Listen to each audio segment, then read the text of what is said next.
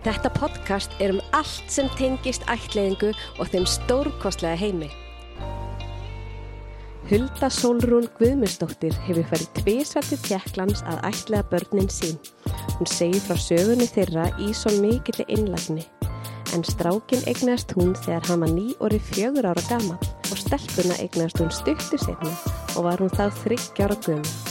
Hún segir frá móðurlutverkinu eins og það er án allra glansmyndar. Hún talar um munin á barnaheimilunum, aðbúnaðinum þar og margt, margt fleiri. Hulda er algjört ofurkveldi. Hún er sálfræðingur með gráðu í klíniskri barnasálfræði og hún er sérfræðingur í uppveldisálfræði. Hún starfar sem dildastjóri barna og fjölskyldumála hjá Östumiðstöð í Reykjavík. Hulda er skáti, hún er móðir og algjör viskubrunnur.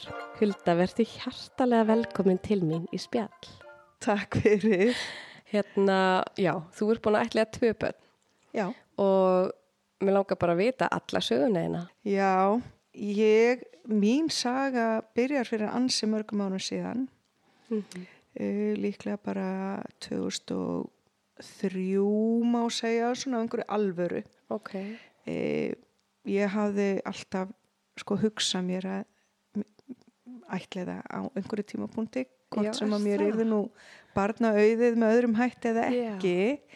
En 2003 að þá er ég í þeirri stöðu að ég er sem sagt bara or- orðin einhleip kona og langar að eignast börn og ég fer að skoða þetta bara að hugsa bara já, það er kannski bara komin tíma á það að Mm. Það sem að ég hafði alltaf hugsað mér að, að ætleiða barn e, og þarna í að byrjun ás 2003 að þá hef ég fyrst samband við e, íslenska ætleiðingu og ætlaði að e, og var komið búin að fylla út alla pappira og mm. umsókna pappirana og, og uh, ætlaði bara að koma umsókn til stila Já. nema þá ber svo við að það er bara sagt nei, við erum hægt að taka við umsóknum frá einhleipum einstaklingum eða einhleipum konum sem hafði þá ekkert ég man nú ekki nákvæmlega hvernig það var en það voru ekkert löngu áður, ekkert mörgum árum áður Mm. sem hafði verið opnað fyrir það að einhleipir gætu ætlit en þá var staðan bara orðin þannig að þetta var e, ykkur kvóti og það máttu sem sagt bara ákveði hlutfall ættleitra barna til landsins fara til einhleipra einstaklinga og þau voru bara komið með svo margar umsóknir þau gátt ekki tekið við fleirum frá einhleipum þannig að það var svona bara einhvern veginn, bara höndin á móti manni og sagt bara stopp. Hvaða land var það? það var bara, bara almenn umsókn um ætlingu og á þeim tíma var svo sem mest verið ætlega frá Kína, það opnaðist fyrst á það þaðan. -hmm. e, þannig að ég var svolítið að horfa þangað á þeim Já. tíma nema að, að það var bara ekki búið Og hvað, er það ekki svolítið sjokk? það var það jú vissulega á þessum tíma en þú veist svo bara e, þú eh, hugsa maður bara ok, ég reyna eftir setna Mhm. og þú veist tími var ekkert að hlaupa frá mér e, og svo ákvaði ég að prófa að fara í gegnum tekni ferlið, teknisæðingar og, og allt þetta, byrja að fara fyrst út í Danmörkur í eitt skipti Mm -hmm. e, sem að gekk ekki og svo fór ég í gegnum ferlið hér heima hjá Hartmedica Já. e, nokkru sinnum eða já, tvö og hálft skipti Já. e, en á sama tíma eða svona undir lokina því ferlið að þá svo að þegar að ég var búin að vera í því í svolítið tíma, náttúrulega þurfti alltaf að sapna á milli og, Mm og allt þetta að þá sagt, er það að gerast fari, finn ég að það eru þreyfingar í það átt að það er að opnast aftur fyrir það að einhleipir geti sótt um þannig að ég stila svo formlega inn umsókn þá aftur eða Já. fylli aftur út alla pappir á stílin umsókn e, 2009 e, þegar að þess að þetta opna var svona opnað á það í raun og veru aftur Sex árum síðar. sex árum síðar Vá. Og er þá í millitíðinni búin að vera í þessu og meiri segja eftir að ég stila en umsókn fer ég í síðustu síðasta tekni Já. þú veist, ég, man, ég verð bara viðkynna ég man ekki nákvæmlega hvaða Já. ár það var sem ég byrjaði á tekniferlinu en ég byrjaði á að fara til Danmörkur það gekk ekki og svo fyrir eitthvað að opnast á að það sé hægt að gera það hérna heima en það líður einhver tíma á milli og svona þannig að Já. þetta er svona aðeins farið að snjóa yfir það hvenar hvað var Einmitt. en það líða, já, þarna eiginlega meiri segja sko góð sex ár frá því að ég í raun og veru alltaf stílinn fyrst umsókn og þanga til að ég svo e, raunverulega get stílað inn Nei, og meira en já, það var í raun og veru ekki fyrir í byrjun árs 2010 sem að ég gat stílað inn papp- e, umsóknu formlega en þá er ég búin að vera í nokkra mánuði að vinna með um, alþjóðlegri ætliðingu sem að þá var til líka sem að svo saminæðast íslenskri ætliðingu að ja, vinna að því að, að sko skoða aukna möguleika og, og hérna eða fylgjast með allavega þeirri þróun og Ok. saminningaferlinu við íslenska ætliðingu þannig að ég stíla inn eftir að þessi tvö félög saminast Já. E, formlega í byrjun ást 2010 þá stíla ég inn Ok. umsóknum minni Ég vissi ekki að vera tvö félög. Það voru tvö félögum tíma einmitt af, og, og alþjóðlega ætlaðing varð til einmitt vegna ákveðnar óanæju með íslenska ætlaðingu eins og hún var þá vegna þess að Já. það voru of eh, miklar hindranir í raun og veru að fólki fannst að það var of lítið að gerast Já. í ætlaðingamálum og svona kannski áhugin eh, eitthvað að fjara út hjá þeim sem að voru þá á þeim tíma Já. uh, að stjórna um, félaginu Mhm. uh, en svo þú veist þannig að það var svolítið svona verið að rýfa upp uh, Já. bara möguleika fólks til ætlaðinga og reyna að leita nýra ætlaðinga sambanda og eitthvað svoleiðis sem alþjóðleg ætlaðing fór af stað með en svo auðvitað ge- gerist það bara félagin saminast í eitt Já. sem hafa miklu eðlilegra að vera bara með eitt félag í þessu litla samfélagi sem Ísland er. Þannig að það er að gerast þarna á þessum árum 2009 Uh, nú þekki ég ekki sögun alveg nógu nákvæmlega en, en ég man nú ekki hvenar það var formuleg saminninga, ég held að það við myndi verið þarna 2009 en það var sérst á þessum árum 2007, 8, 9 eitthvað svo leið sem að, sem að hérna, ég er svona, svona aftur farin að fylgjast með og býða í raun og veru bara eftir að það opnist aftur glukkin til þess að sé hægt að stila inn. Já. Þannig að ég stilaði svo inn umsóknum minni í byrjun ást 2010 og uh, það reyndist aldrei flöskuháls í íslenska forsamþykkinu því það leið og beið og langur tími og það fyrir síslumanns og allt þetta og síslumar kallar eftir umsók frá batnavend, gefur batnavend ákveðna hérna, mánuði Já.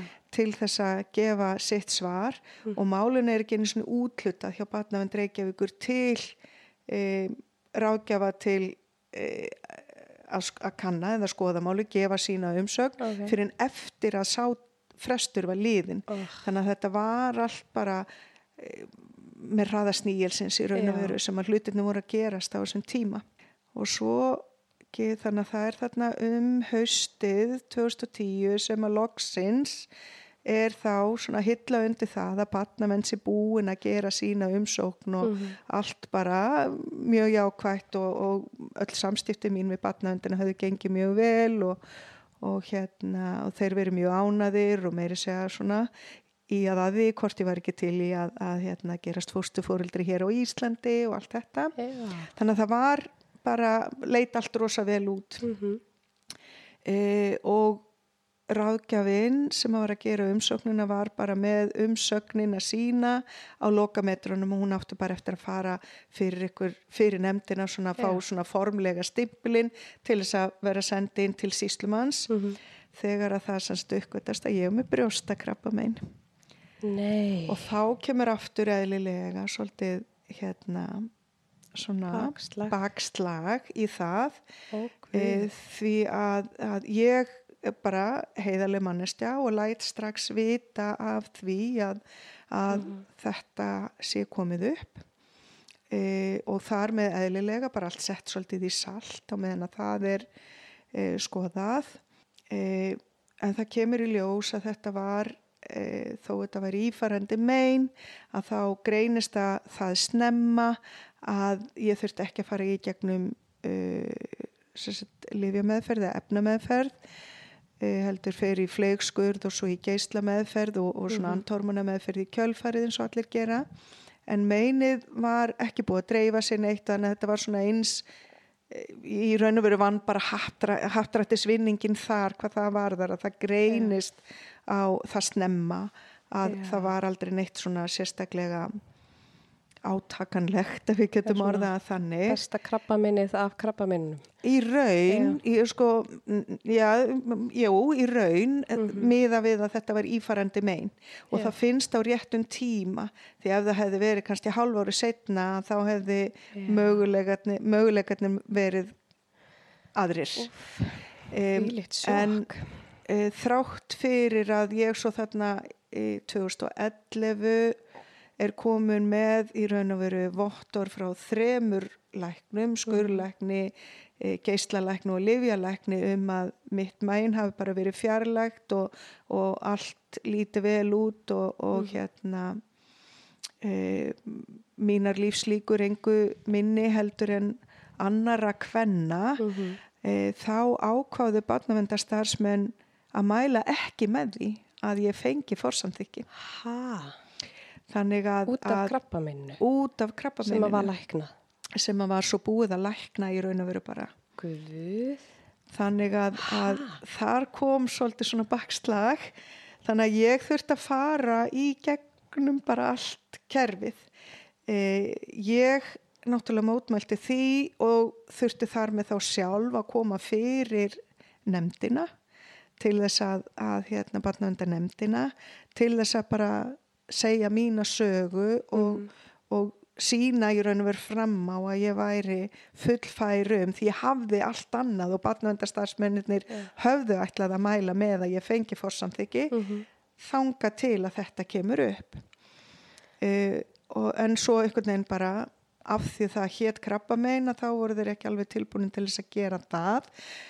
Um, þrátt fyrir að vera með öll þessi vottorð í höndunum frá læknunum um að, um að það væri allt í lagi. Það er rosa skríti. og hérna mér fannst það á þeim tíma var ekkert alveg sátt þannig að ég ákvað að fara þá leið að bara ósk eftir því að fá að fara fyrir batnavendi nefndina e, með mitt mál og tala máli mínu og koma með greinagerður og gerði það og fekk hérna e, systur mínar systur mínar og vinkonu og samstarfskonu til þess að koma allar til þess að tala í raun og veru máli mínu líka. E, á þessum tíma var, var, voru sko sýstu mínar tilbúna til þess að skrifa upp á að ef svo ólíklega fylgdi til að eitthvað kæmi upp á og þá myndi þær hérna vera tilbúna til þess að taka við Já. barninu eða börnunum. E, og hérna e, og ég var þarna með eina samstagskonu mína sem að hafi áður gengið í gegnum Mhm. e, krabbamins meðferð e, og, og vinkonu sem að hafi farið í gegnum tækni og ætleiðingaferli eins og ég Já. var að gera þannig að ég fer þarna fyrir nefndina og tala bara mínu máli og með, þú veist, í raun og veru alla þess að jákvæðu greinargerð Einmitt. um mína hæfni og færni og, og möguleika til þess að ala upp að Mhm. fer fyrir nefndina og þá fór svo að batnavenda nefnd ákvað að mæla með að ég fengi forsamþingi Ok. þrátt fyrir þetta mat uh, starfsmannana uh, og hérna sem ég var bara afar glöð með Já. og það fer svo til síslumanns síslumar var ekki alveg til í Oh að kaupa God. það Ertu ekki að djóka? Nei. Hvað er þannig að það kom aftur þannig að síslumadur ákveður að láta það e, fara fyrir ætleiðinga nefnd Ok. til mats á því hvort það ætti að veita mér forsamþyggi og ætleiðinga nefnd reyndar ákvaða að það var ekki því til fyrirstöð að ég fengi e, forsamþyggi þannig að þau mæla með eða samþykja í raun og veru að mér sé veikt forsamþyggi þannig að þá loksins fæ ég forsamþyggið frá, frá hérna Já, e, Því líka þannig að það ferli tók alveg gríðarlega langan tíma. Já, hvað tók að langa tíma? Marstu það? um, sko það tek já alveg eitt og hálft ára allavega. Ég verið að viðkynna, ég man ekki nákvæmlega hvenar hérna Bara eftir bara fórsamþykisferlið og þá fyrst gæti ég hérna stílað inn umsókn til Já. Tjekklands. Ég hafði þegar ég sótt um fórsamþykki þá var ég ekki búin að velja land. Nei. Það voru tvö lönd eila sem að koma til greina e, á pappirum þrjú en, en Kína dætt eila alveg út þegar að, út af krabbamenninu því að, að þeir, þar er það þannig að það bara stendur krabbamenn einhver staðir í þínum heilsufarsgögnum að það segja þeir nei. Já, Þannig að þar með var Kína alveg dottið út þannig að þá stóðu eftir Kólumbía og Tjekkland og ég var ekki alveg búin að ákveða mig. ok. E, sérst, þegar að ég stílin umsókninni og, og, og í öllu þessu ferli þá var ég aldrei tilbúin til þess að senda inn í raun og veru upplýsingar um hvaða landi ég ætlaði að sækja um. Þannig að ég fekk uppálega fórsamþykið með náttúrulega bara um, án, já, án þess að það væri e, tilgreint landið en, en var í raun búin að ákvaða mig samt áður en endalegur pappir kom, pappir kom. Þannig um leið og, og ég var búin að fara í gegnum allt þetta ferli, mm barnavendanemdin, ætlinganemdin og, og síslumadur að þá gæti strax skilað inn e, landinu. Var Já. þá búin að ákveða að ég ætlaði að sækja um til Tjekklands e, og fyrir því voru ímis Já, og hérna ég hafði þess að dvalið það og hafði í millitíðinni um, í gegnum félagið, Íslenska ætlingu verið búin að vera í sambandi við þau bara til þess að heyra hver, hver þeirra afstæða væri e, og senda þeim he mínar heilsufars upplýsingar og vottorinn frá læknunum og allt þetta. Já, til Tjekklands. og þaðan komu strax mjög jákvæð svör Já, Uh, þar sem þeir voru náttúrulega með þá þarna uh, þessa umsög sem að var í raun og vera ölluleiti mjög jákvæð og öll heilsufarsgögn og allt það höfðu fengið svona í grófun dráttum bara mína sögu og reyndar ekki, ekki rétt að segja þau hafa verið með öll gögn en þau voru með svona í grófun Já. dráttum með e, gögnin og söguna og vissu hvað ég gerði og hvað ég var gömul og, Einmitt. og uh, við hvaða aðstæður ég byggi svona í grófun dráttum og allt þetta. Já, Þannig að þeir sögðu strax að þetta myndi ekki vera hindrun e, þeirra megin frá e, en þeir vildu samt að það væri liðið eitt ár frá lokum geislameðferðarinnar áður en ég stílaði inn umsókninni.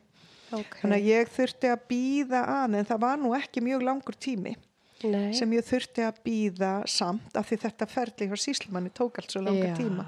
Já, Þannig að, ég bara leið og þessi tímafrestur var komin að þá stíla ég inn umsókn til Tjekklands og fæ skömmu síðar jákvæmt svar um að ég sé komin á bylista þeir Já. hafi samþygt umsóknuna mína.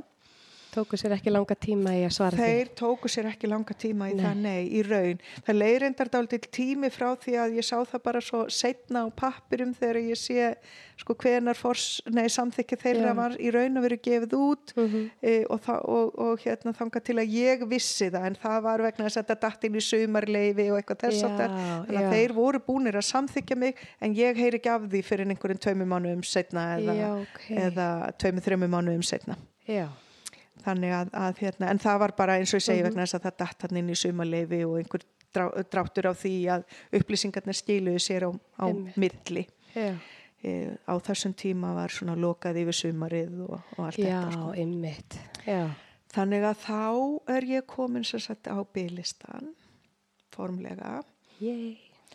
og uh, ég náttúrulega undirbúin undir það eins og allir að, að þetta gæti orðið stuttbið eða löngbið eða þú veist maður veit það ekki, maður veit aldrei Nei. Eh, en meðaltalið á þeim tíma var held ég einhver tvö ár sem Mhm. að var svona talað um að maður gæti gerst ráð fyrir því að þurfa að býða Já, en ég var heppin e, því að það lið ekki svo langur tími e, þá gæti ég símtali kom. þanga til að símtalið svo kom Hvað var meðgangalöng?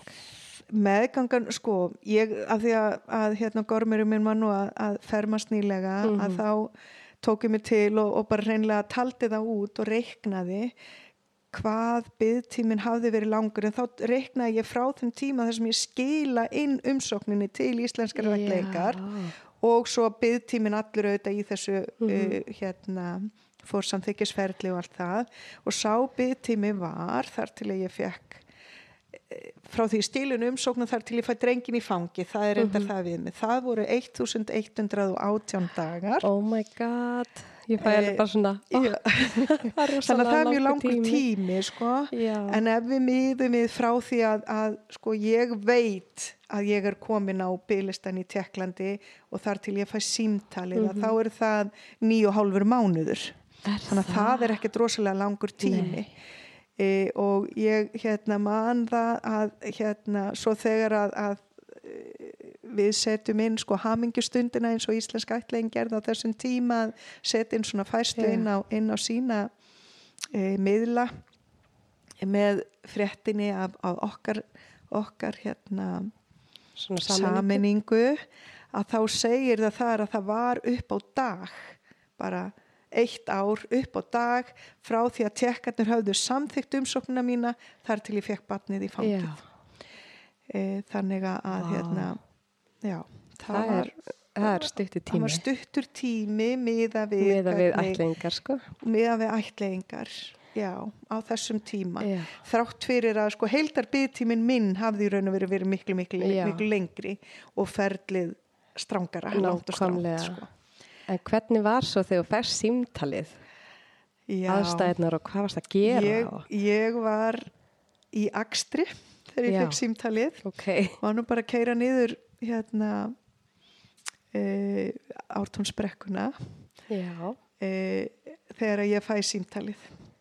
E, og ég eins og bara allir sem hafa farið í gegnum þetta ferli mann það símtal mjög vel. Mhm. og reyndar bæði mín símtöl en, en ef við byrjum bara á þessari sögu þá var ég sem sagt að keira þarna og, og hann hefur ringir í hann Kristinn frá Íslensk rætlengu og hann hafði nú á þessum tíma e, daldið svona haft samband við mig ímessa hluta vegna bæði faglega og, og alls konar Mhm. bara í alls konar pælingum.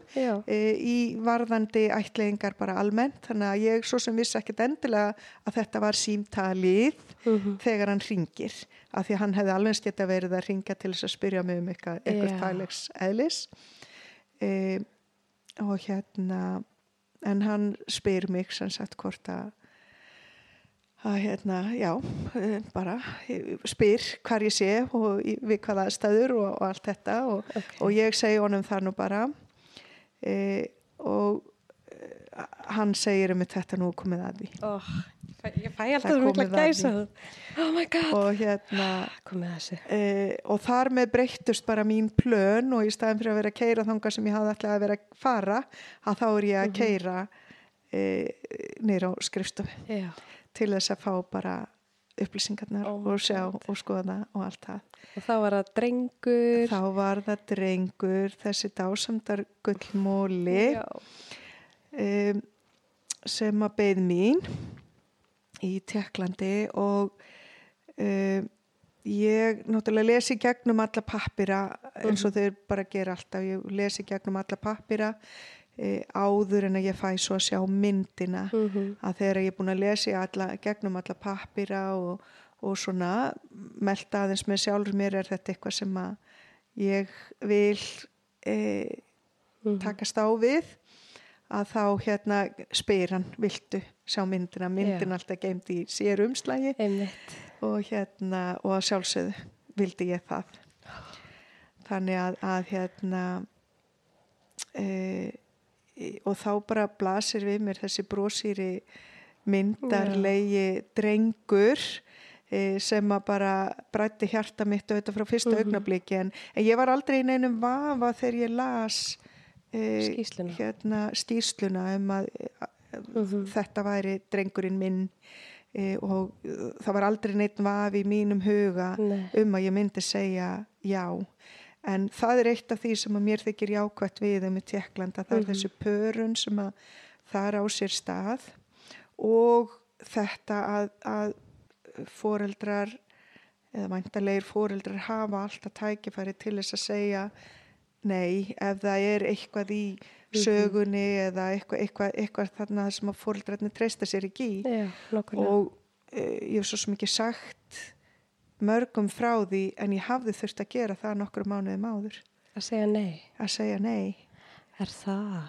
og, og hérna og það var mjög erfið ákvörðun en Já. ég hafði tekið hana mjög yfirlöður á því því að þá var það þannig að bara svona um það bil bara um bara, ég veit ekki hvort það var liðin vika, ég man það ekki nákvæmlega að þá fæ ég sem sagt símtal og mér er bóðin annar drengur um, e, til ætliðingar en sá drengur glýmdi við mjög alvarlegan sjúkdóm og mikil veikindi og miklu föllun sem að bara að allir læknar sögðu við mig að e, bat með svona föllun að undan tekninga lítið að þá hættir annað fóreldri vinnu Mhm. til þess að geta annast um barnið e, og þó að það væri afskaplega sárt að þá var það mitt mat að ég sem einhleip kona væri líklega ekki rétt að fóreldrið Nei. fyrir þennan dreng Mm eða fyrir þann dreng þannig að ég tók þá erfiðu ákverðun að segja nei þá Úf. Já, það Eh, hefur verið ræðilega. en átti mjög erfitt með það og ég Mhm. gerði það ekki fyrir en ég var búin að mjög vandlega hugsuðu máli valdi þá að fá ekki að sjá myndina fyrir en ég væri búin að melta þetta, ég með tala við læknana Mhm. e, fjölstildina og allt en það var samdóma álit allra Já. að allavega hér á Íslandi að þá, þá hérna væri þetta kannski það mikið verkefni að það væri ekki skinsamlegt að hérna að væri einstækt fóreldri sem að væri e, að taka það að sér og barninu eru betur borgið í, með tvo fóreldra Já. þannig að ég skrifaði sem sagt bref út og bara lísti þeim þeirri afstöðu minni Mhm. e, af því að ég var sjálf alveg opinn fyrir því að taka barn með alls konar sérþarfir og, Mhm. og ímislegt en, en, en sérþarfir þessa bars voru það miklar að það hefði verið mjög líklegt að ég hefði ekki geta stund að fylla vinnu og þá hefði ég hérna þú veist átt erfitt farið að ströggla fjárhagslega og þar með átt erfiðara með að hugsa Já. vel um barnið og svo framvis og svo framvis þannig að ég Mhm. tók þá erfið ákverðun þá en eins og ég segi þetta var bara örfáum dögum eftir að ég fekk að vita að væri búið að samþykja mig inn á listan Það en svo þarna kemur þá þessi dásamda drengur Já. Og það hefur engin áhrif á þegar maður segir nei, nei, það hefur engin áhrif á áhrif. byðina. E, það hefur ekkert endilega Nei. það er á, þú ert bara áfram það hefur ekki þau áhrif að þú farir eitthvað aftast Nei. eða það verði endilega lengri byggtímin eða neitt slíkt en það kom þá svo í ljós að, að eins og ég segi þannig bara nýju mánuðum síðar í Mhm. raun að þá er ég búin að fá símtal aftur Já. og hérna og þá var aldrei neitt vafi En varst ekki var svolítið drengurinn minn. Já, varst ekki stressað þegar þú eru búin að segja nei Eh, og fara og bara svona, uff, hvað hérna, ætli ég geti sagt já í þetta skipti? Nei Þú ég bara fannst það bara um Nei, leið og símtali ég kom? var það ekki, ég var uh, sko þó þetta væri mjög erfið ákverðun að þá var ég mjög sátt við hann og ég Já. vissi að ég hafði geta fært mjög sterkur rauk Mhm. fyrir minni afstöðu og hérna uh, uh, og, og bara fagleg rauk og ég er alveg sannfærð um að það var það besta fyrir það Já. batn og ég er líka alveg jafn sannfærð um að það batn komst á ykkur dásamlegt heimili Já, þar sem, sem að hendaði hon, honum betur Já. Þannig að nei, ég get ekki sagt að ég hafi verið það. Æ, æ, nei, ég var það ekki. Ég var fyrst og fremst bara spennt. Já. og eins og segi, svo þegar ég les þarna pappirina þá bara, Bara, nánast frá fyrstu fyrstu línum var ég alveg sannfærð um að þetta var drengurinn minn. Já. e, og, og mér hafði bara verið ætlað að býða eftir Mhm. honum um, Algjör sálufélagi. algjör sálufélagi, já. það var bara, já, það var aldrei neitt vafi í mínum huga og ég hérna var aldrei hérna ósátt við fyrri ákvörðun eða smeg við að hún hefði haft einhver neikvæð áhrif, Mhm. það var ekki. E, það leiði svo reyndar dálti langu tími þar til að ég fæ svo Að fara núll- út. Já, núlfundin ímissa hluta vegna, þetta var reyndar ekkert, uh, þú veist þannig að það var auðvitað erfið byggtími Hvað var Hann var- frá því að ég fæ símtalið og þar til að ég fer út líða uh, líklega einhverja sex vikur, sko, sex, sjö vikur. Ok. Ég fæ símtalið 29. apríl Já. 2013 uh, og ég á núlfund á þjóðhættiðadaginn 17. Ok. júni og saminingardagurinn okkar er 18. júni. Sérst fyrsti fundurinn. Þannig að það, það líður þá þarna frá lokum april og fram í miðjan júni þar sem að ég er í raun og veru bara að býða eftir að fá já ok, ég leiði náttúrulega ekki fram í júni e, að fá að vita hvenar saminingin er en það Já. leiði svolítið tími þar til ég vissi dagsetningar Já. og ég hafði óskað eftir ég að fá að koma fyrr hann varð fjögur ára þarna rúmri viku áður en Já. við hittumst fyrst og ég hafði vilja ná, mér langaði að ná að vera komin fyrir ammælistæðin hans Já. en það gekk ekki upp því miður Já, ok. þannig að, að hérna ég þurfti að býða fram yfir það þannig að hann er orðin Mm. rétt rúmlega fjögur ára gamall þegar að ég fæ hann fyrst í fangið e, en já byðinu þetta algjörlega þess virði þegar upp Já. er staðið þó að þessi tími hafi já, hann var eiginlega bæði lengi að líða og fljótur að líða því það er svo margt sem maður þarf að gera á þessu tímabili. Þetta var e, annarsamur tími í vinnunni minni og ég þarna stindilega náttúrulega bara að fara í í barsegnarleifi og þurfti að ganga frá ímsu í vinnunni og, og, og koma hlutum fyrir þannig að það gafst á aðeins bara betri tími til þess að, Mhm. að ljúka því og á sama tíma þetta útbúa barnaherbergið og, og allt þetta Já. e, reyður gerðin alveg bara alla leið Já. bara huga að ferðalæginu sjálfu hvernig ætla ég að komast út og, Mhm. og hverjir færu með mér og, Já, og, og hérna allt það e, í þessari, þessari fyrri ferð að þá voru það sýstu mínu tvær, ég á tvær dásamlegar sýstur sem að komu með mér Váka þeir eru hefnar að upplifa þetta. já, já, ég náttúrulega hef mjög heppin að hafa þær með Já. því að það eru þetta e, þetta er tölvert álag eins Mhm. og allir þeir sem að hafa gengið í gegnum þetta þá er þetta þetta er þó þetta sé gleðilegt og, og draumur mann sem maður sé búin að býða árum saman að þá er þetta samt tölvert álag. Þetta er tilfinningalegt álag e, að fara í þetta ferli. E, þannig að það er gott að hafa stuðning og, og þegar að par fer út saman að þá hafa þau alltaf stuðning hvort af öðru. Mhm. e, þannig að- að þegar maður fer einn þá er þetta líka gott að hafa einhvern sem getur stutt mann. Já. og fyrst, fyrsta, fyrst og fremst var það þetta til þess að aðstóða með allt þetta praktiska bara uh, hugsa um, um sko ferðartöskuna á flugullinum eða, eða fara í búðina og kaupa í mat á menna ég var bara Já. heim á hótelinu með badnið að, að, hérna, að, að hlúa því og svo Mhm. framvegist þannig að þannig svona öll þessi litlu praktísku atriði sem maður hugsa kannski ekkert endilega svo mikið um í daglegu lífi e, þau, það léttir að hafa einhvern sem að getur aðstofa með þetta. Og svo auðvitað hafa einhvern sem er bara duglegur á myndavílinni og, og allt þetta. Þannig að þær voru með og mikill stuðningur fyrir mig, sýstur mínar tvær. E, nú svo heppin að, að við erum að fara þarna að sumarlægi e, komin sumarleifi í grunnskólanum og önnu sýstur mín er grunnskólakennari og, og hinn var á þessum tíma að vinna í, í leikskóla og Já. gat fengið e, leifi Bara hendjast í tími eða. þannig að það var mjög heppilegur tími, já. Já. Þannig að þær komu með mér í þetta ferðalag og við byrjum eins og allir, byrjum bara á þessum núlfundi inn í Brno um, sem að gekk ljómandi vel Mhm.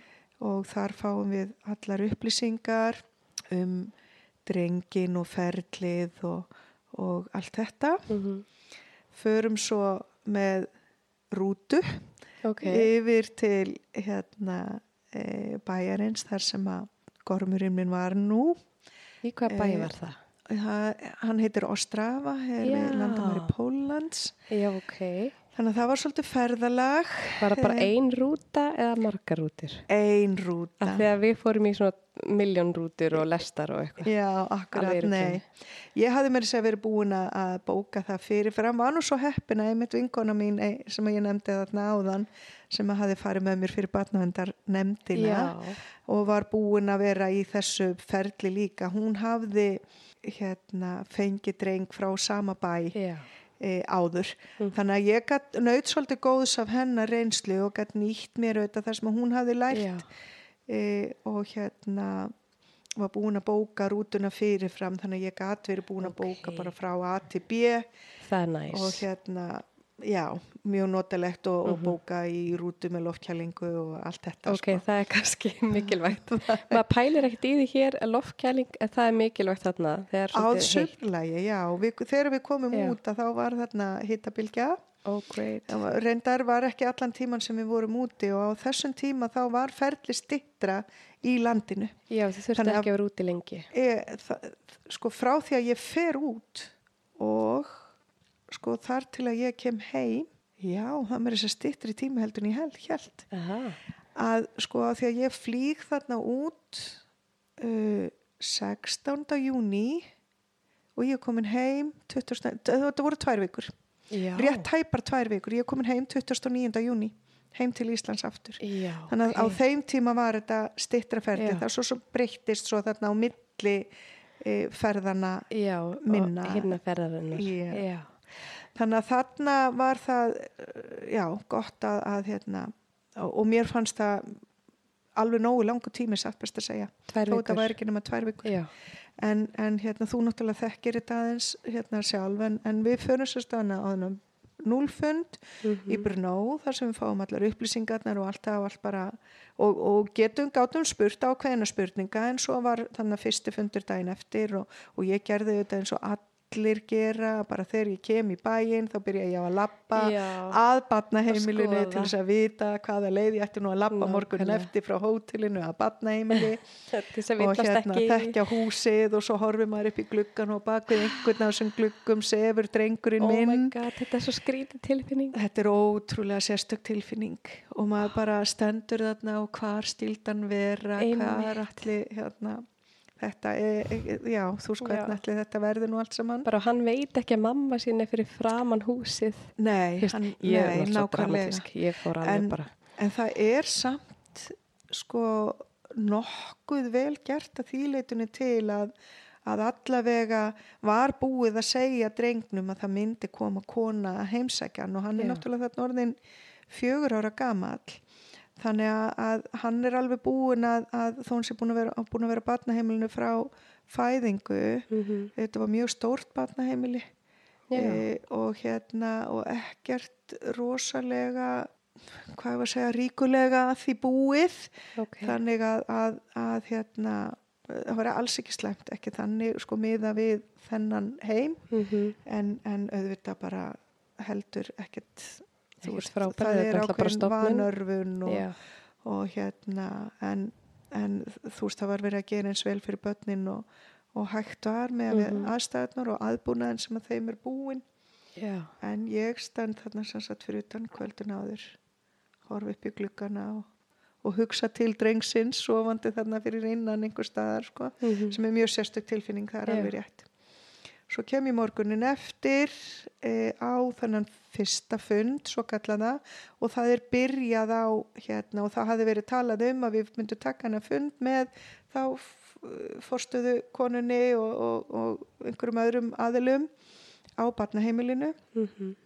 og hérna uh, svo myndi ég hitta drengin bara eftir hádegið eftir Já. hádegi slúrinans þannig að morgunin færi í Ókei. þennan fyrsta fund og hérna og svo myndi ég hitta drengin eftir hádegið og fá hann í fangið og við komum á þennan fyrsta fund e, sýstu mín er alltaf með mér og hérna bara til þess að Mhm. meðtaka upplýsingarna líka ég reyndar e, hafði verið búin að náttúrulega skrifa niður spurningalistan og, og bara var búin að útbúa stjalið í tölvinni þannig að ég var bara með Mhm. það tilbúið að hér skrifa einn svari við þess og hér við þess og þeir, Ok. þannig að það var bara og svo satt ég bara og pikkaði Vá. allan fundin e, fekk heilmiklar upplýsingar og gætt spurt um ímislegt og, og sumu gátið ekki svarað og, og Mhm. sumt vissu þau e, og það er líka eitt af því sem er jákvæmt við Tjekkland að, að maður getur fengið allar upplýsingar sem að þau Mhm. yfir höfuð bara hafa Já. og búa við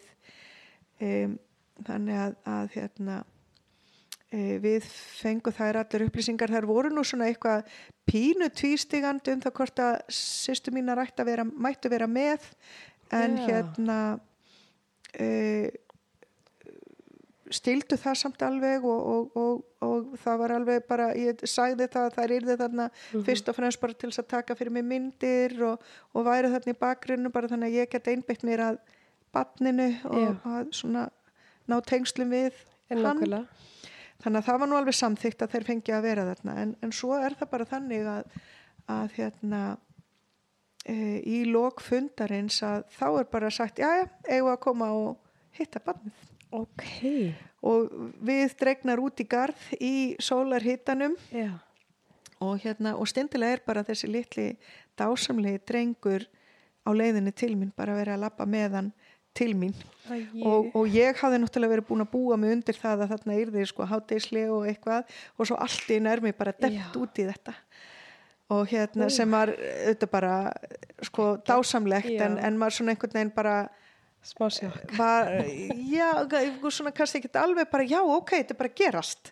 Mhm. og hérna sem var dásamlegt. Og það er þannig að það, þetta er sérst út í gardi við löpum bara út í gard og börnin höfðu verið út í gardinum að leika sér Já. og fórstöðu konan fer sem sagt til hans og, og lappar með hann til mín.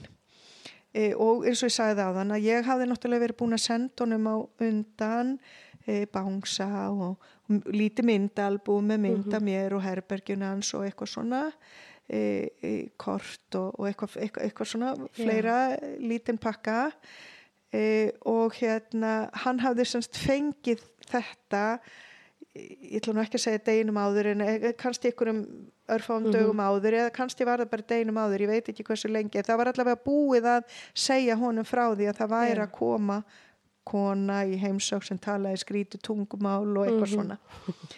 Og svo er hann sem sagt leittur þarna til mín þessi litli dásamdar drengur og hann var bara alveg strax tilbúin að koma til mín og, og já hann, hann var náttúrulega búið að Já. undirbúa það eitthvað og hann var alveg til í að settast með mér þarna út, í, út undir tré í skuggan og, og ég gæti gefið honum hérna ég hafði heyrt af því að hann væri mikið dýra maður, dýrastrákur Já. hefði mikið áhuga á dýrum þannig að ég hafði keift svona eh, lítinn kassa með mörgum dýrum í Já. sem að ég hafði með mér til að færa honum og þá, sem betur fer að þá var ég nú með það í bakbókanum þarna um morgunin en ekki, ekki hafði ekki stílið eftir upp á hótelinu um, um, um morgunin þannig að ég gæti nú fært honum þetta þarna og hann var alveg til í að koma með mér og minna, það er bæði gott og slæmt Mhm. í raun og veru hvað hann var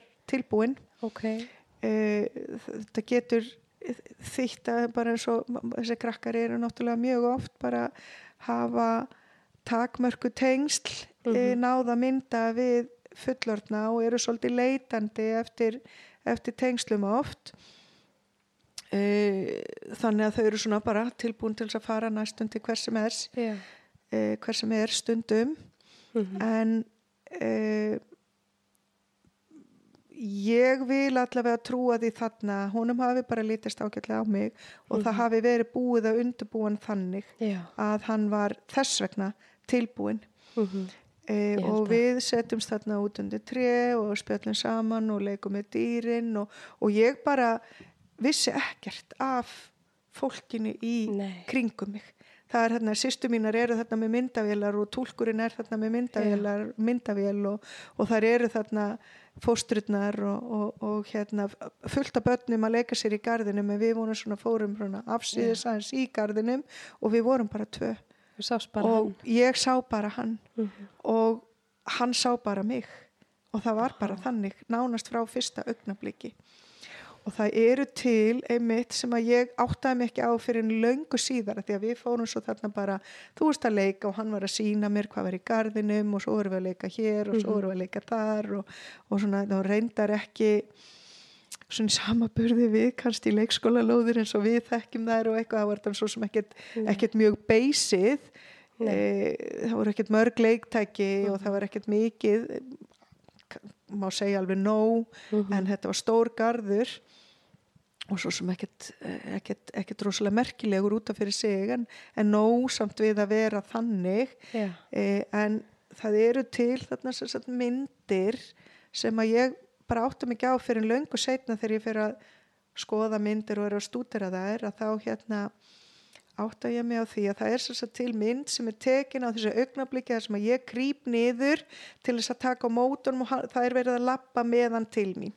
Já. og hann er ennþá í, ég veit ekki, einhverju 20 metra fjarlæði eða hvað það er, sko, sem að það er sem sagt verið að lappa með hann í áttina til mér sem er bara þetta fyrsta, fyrsta augnablík e, þar sem að hann sér mig og ég sé hann og, og allt þetta. Það er til mynd af því og svo er til mynd sem er tekin, sem er reyndar eina mínum uppáhaldsmyndum sem er tekin þar sem að við erum að leik, höfum verið að leika okkur í grasinu og hann allt einu grípur svona um hálsun á mér og bara ríkheldur og bara svona fyrsta, fyrsta knú, knúsit. E, þar sem að, að þú veist að hann bara, hann bara heldur, bara, bara ríkheldur í hálsun á mér. Og við liggjum í grasinu og, og knúsumst Já. og þetta er fyrsta knúsið en, en svo þegar ég er að skoða myndirnar löngu setna og sé bara tímastimpilin á myndunum Já. e, þannig að segja hvenna myndirnar voru teknar og það liðu 20 mínútur frá þessara mynda Ha? og hann virtist bara hafa ákveðið það þarna á fyrstu bara stundu að þarna var mamma komin og ætlaði ekki að sleppa Æi. Og það var bara, þú veist, þetta er, þetta er svona augnablík sem Já. að ég man alltaf, myndin er auðvitað til heima e, og upp á vegg og, og allt Þú ert þetta alltaf að græta mig. þessi, þessi, þessi knúsmynd er, er til heima og Já, ég upp á hef vegg séð hana. Hún er rosalega falleg. Og ég vissi ekki að það væri fyrsta mómenti. Nei, þetta var knúsið. fyrsta knúsið, bara fyrsta, fyrsta knúsið bara á þessum Vá. fyrsta degi þar sem hann virkilega bara, þú veist, ég hafði alveg verið með hann í fanginu og allt áður og Mhm. Já. með við vorum að leika og eitthvað en það var bara, þú veist, bara leikur Ó. og, og, en þarna bara grípur hann í hálsin á mér Mhm. og bara ríkheldur og þetta var bara sko, þú veist, óbóstlega hjartnamstund og ég Mhm. man þetta eins og hafi gerst í gær e, en eins og segi, myndin er náttúrulega til þarna heima og oft síðan hefur gormurinn minn, þessi indislegi drengur sem að er e, sko þar mikið á knúsa halda og, Mhm. og byður reglulega um knús ef að honum fyrst hafa liðið og langur tími síðan síðast Já. en hann hefur stundum beðið um mamma getur við gert eins og í grassinu og hann talar stundum eins og hann muni eftir þessu Já. ég get auðvitað ekki fullir hvort að það er rétt hann er Nei. þarna fjögur ára sjálf man ég ekki jú já eina minningu frá þessum aldri Mhm. e, sem að var auðvitað líka svona bara tilfinningaþrungið augnablík sem ég man eftir frá því ég var sjálf á svipuðum aldri Mhm. en það er eina minningi sem að ég á frá þeim tíma en ég man ekkert mikið eftir sjálfnum mér fjögur ára Nei. og veit ekki og einhvern veginn gerði ekkert endilega ráð fyrir að hann myndi mikið eftir sjálfum sér frá þeim tíma en hann talar eins og hann mun eftir þessu knúsi Já. Vá, en það getur vel verið að, að þetta er svo stór stund og hann er orðið fjögur ára. Þá er alveg frekar líklegt að hann muni þetta. en, en ég veit alveg og get aldrei fullir hvort að það er sko raunveruleg minning eða minning sem að hann hefur í raunveru búið til út frá Já. myndinni og Já. út frá sögum sem hann hefur heyrt um þetta augnablík en ég upplifði það alltaf þannig ásakið eins og að hann hefði þarna bara fundið og ákveðið sjálfur að þarna var mamma komin Mhm. Þannig að ég hef hérna e, alltaf fundið okkur var bara ætlað að verða fjölskylda Já. okkur var ætlað að býða þennan Mhm. tíma af því það voru akkurat við sem Já. áttum að tengjast og hérna þetta var, þetta var já, mjög sterk stund Mhm. og svo þurfti ég að fara með hann inn í háttegis matinn e, og hérna Jésús minn hvað ég er ekki til í að borða matinn sem er bóðið upp á þessum barnaheimilum Nei, hvernig var hátísmattinum hátta þannig? Þú veist, var þetta matsalur eða? sko þau voru í matsal og Já. þau fengu bara risastór, bara hálslíters glas eða eitthvað af, af hálslítra glas af ykkur dísætu te Já. sem þau eru látið drekka fyrir máltíðina til að fylla nú magan svo þau borðin minna e, já, Já, eða allavega það mín Skoðun? eh, skoðun ég- já, ég, ég að tel að spara. það allega eigi þátt í því Já. að hérna að, að það sé svona Mhm. spartnaðar hugsun á bak við það að, að draga úr þessum Já. matarkostnaði og svo fá þau mauka, mjög maukaðan mat Mm Sem þurfu helst ekki að tyggja. sem þau þurfa helst ekki að tyggja enda kunnan valla að tyggja fjóra ára gamall wow. Og hérna mjög sko brað lítill og óspennandi í alla staði. Um, en hann þarna þessi fyrsta máltíð að þá borðar hann bara með mér. En yfirleitt voru þau í svona litlu matsal þar sem þau voru nokkuð við bóð Mhm. bara svona svipað og gerist bara kannski svo sem í leikskóla. Um, en, en ég sem sagt fekk að gefa honum að borða þá Mhm. sér e, annar staðar þarna og svo tekur hann með, með sig inn á herbergi sitt til þess að sína mér rúmi sitt og, Mhm. og, og hérna og þar var bánsinn sem ég hafði sendt honum og hann Já. sýnir mér hann, hann sem hann var hérna svona í heiðursessi í rúminu og, Já. og allt þetta og, og, og svo fer hann að lúra um, og, og ég sérst koma honum í hátegi slúrin sinn Mm e, sem hann var nú svo sem ekkert endilega tilbúin að fara í Nei. af því að, að eins og ofti er þeirra að þarna e, þú veist þau eru búin að eru svona að stíga einhver fyrstu skref í, í tengingu við eitthvað þá bara býtu og hvað svo? Þau skilja ekki e, hvað er í gangi. Býtu hvað verður þegar ég vakna aftur? Ertu þá bara farin Já, eða, eða, eða hvað? Þannig að það var auðvitað erfitt en, en þær náðu samt fóstrutnar að, að útstýra fyrir honum að ég myndi koma aftur. Mhm. Sem og gerði þarna eftir hádegið og, og, og allt það Mhm. e, og við leikum saman í gardinum og, e, og, og bara heldum áfram að, að byggja okkar Já. tengsl Var hann ekki gladur þegar þú komst aftur? hann var mjög gladur þegar ég Já. kom aftur Já. um, ég held samt að það hafi verið að því að á þessu barnaheimili talar engin ensku þannig að öll samstifti, við vorum reynda með tólk þannig fyrsta dag uh, en svo dagana á eftir að þá er engin tólkur okkur til aðstofar þannig að maður var svolítið að, að hérna reyna að bjarga sér með bara líkamstjáningu Mhm. e, og þeim fái orðum sem að, að ég kunni í þýsku því að það er svona meiri þýsku kunnátta heldur en ensku kunnátta í þessum bæ Já. Og svo var stundum ringt í einhvern annan sem að gata mögulega tólkað á, á milli Já. þannig að samstifti voru frekar bjöguð Mhm. e, en ein- einhvern veginn let maður allt sem hann ganga upp Þá var ekkert Google Translate. og þá Það var ekki komið. Nei, það var ekki, allavega ekki þannig að maður var, nei, Google Translate var Nei. ekki komið á þessum tíma. Nei, það var það ekki. En ég hafði nú verið með, var með svona litla myndabók, hafði útbúið litla miða með alls konar táknum Mm e, til þess að geta átt í samstiftum við badnið og til þess að kenna honum íslensk orð og hann geti bent á hvað hann vildi og, og svona til að úrstýra fyrir honum bara hvað var að gerast og, og, og hvernig dagurum myndi ganga fyrir sig og allt það var búin að útbúa svona með svona franskum rennilás og geta sett upp planið og, og, og nota. Þannig að ég átti töluvert sapn af, af slíku og við gátum nú stuðst við það stundum í þessum samstiftum en þessi fyrsti dagur gekk sann satt rosalega vel. Uh, og svo var náttúrulega bara mjög erfitt að kveðja að kvöldinu fyrir nætursöfnin en, en eins og þarna fyrir hátegislúrina þá gekk það samt alveg. Uh, af því að það var hægt að útskýra fyrir honum að ég myndi koma aftur og ég var bara komin snemma morgunin eftir. Mhm.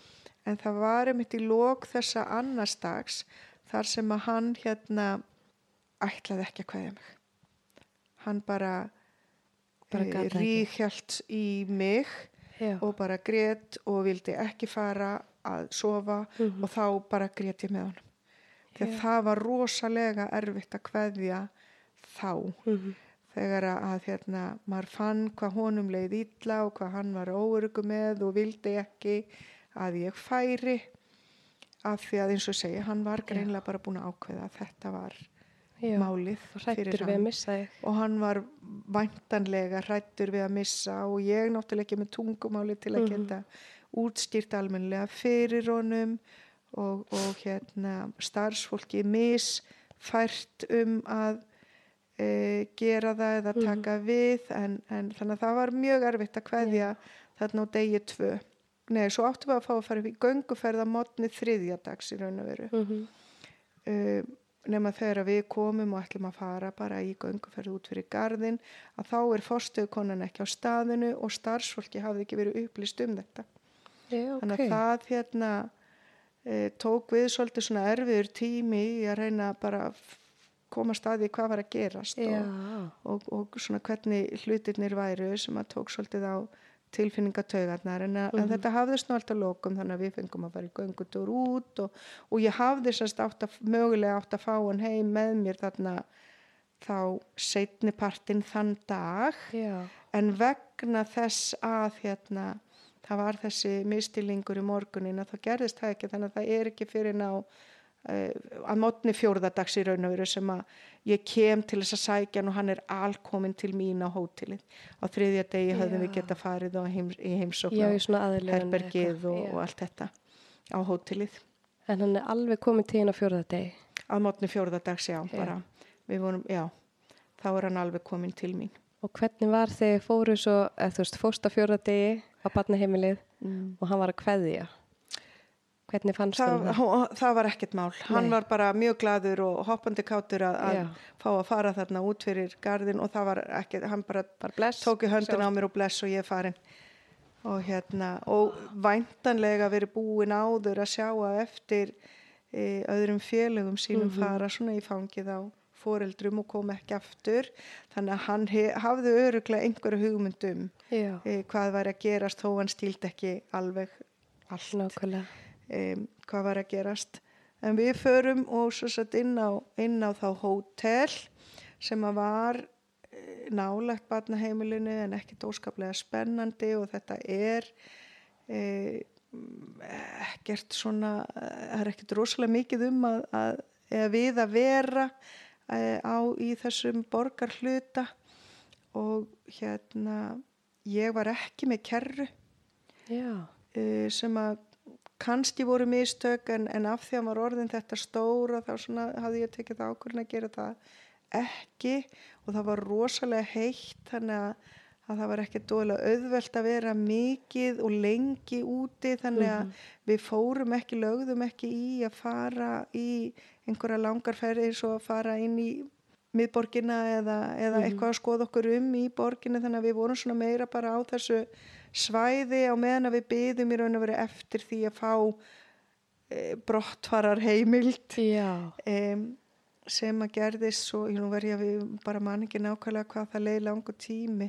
Það er raun rúmi Eh, vika bara. Já, ég held að hafa nú verið aðeins minn en vika en, en, en e, full langur tími ef, ef eitthvað er sko.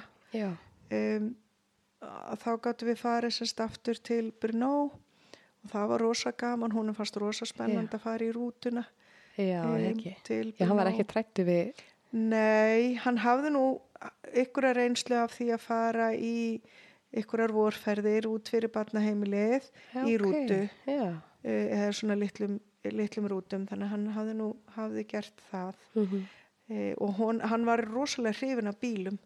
E, við sátum og hann vildi helst bara sita á, í vegkantinum og horfa á bílana, keira framhjá það var svona Já. það sem að hann var bara hans innkverfa í hugun einhvern veginn einmitt. Þannig að við gerðum það nú stundum bara á gönguferðum okkar þarna um hverfið að þá settustu stundum bara í alltaf því og umferðaregjurnar og, og sátum og horfðum á bílana að keira fram hjá Besta skemmtun. besta skemmtunni. Já. þannig að hann allavega naut þess mjög og virtist svona einhvern veginn bara svona ná aðeins bara ákveðinu slökun og kvíld við það.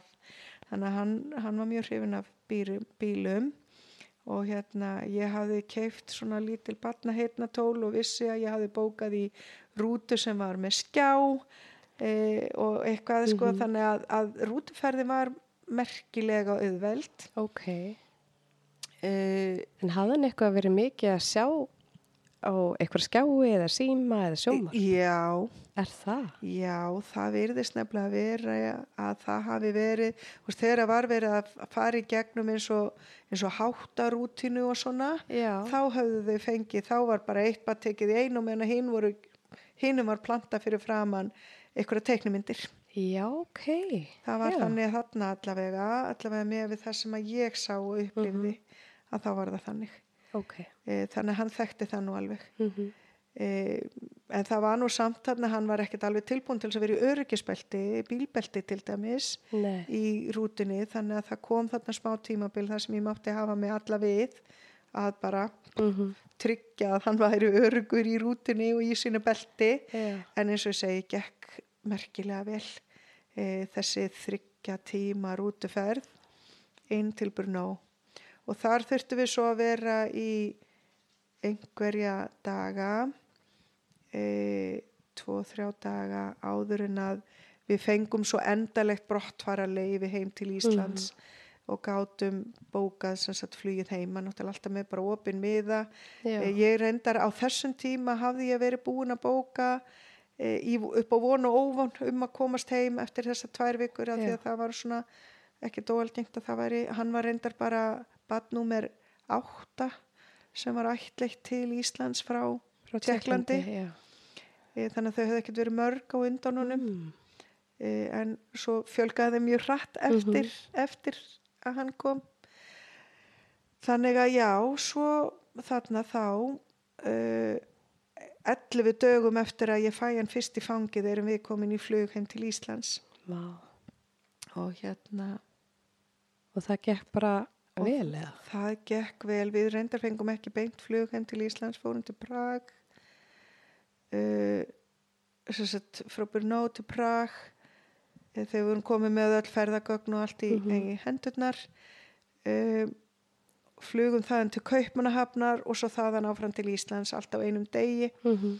uh, hann svaf í fluginu frá Tjekklandi til Kaupmannahafnar Ok, magnað. sopnaði mjög fljótt eh, hann svaf náttúrulega ekki í upphafi en það var mjög fljótt ljóst að hann bara nýtur þess að ferðast þessi, þessi gormur minn sko Oh og hérna god. hann gerði það og svo svaf hann bara á lærin á mér Já, bara næstum alla leiðina til Kaupmannahafnar Mm. þannig að sáleggur gekk mjög vel e, það tók, ég hins vegar svaf náttúrulega ekki neitt og Nei. var úrvinda og þreytt og, og, og allt þetta og hérna en, en flugið heim til Íslands líka sem var náttúrulega langi leggurinn, lengri leggur frá Kaupanahöf til Já. Íslands það gekk líka merkilega vel Mm -hmm.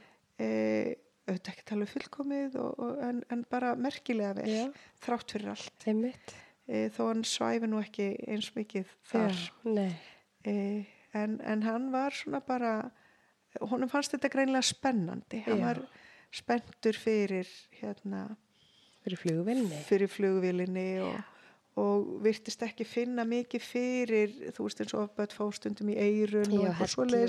í- Já. já, það virtist ekki vera mikið að hrjá hann Mhm. greinilega eitthvað en ekkert þannig að það væri væri alveglegt þannig að, að svona í minningunni allavega þá gekk þetta bara alveg ljómandi vel Já.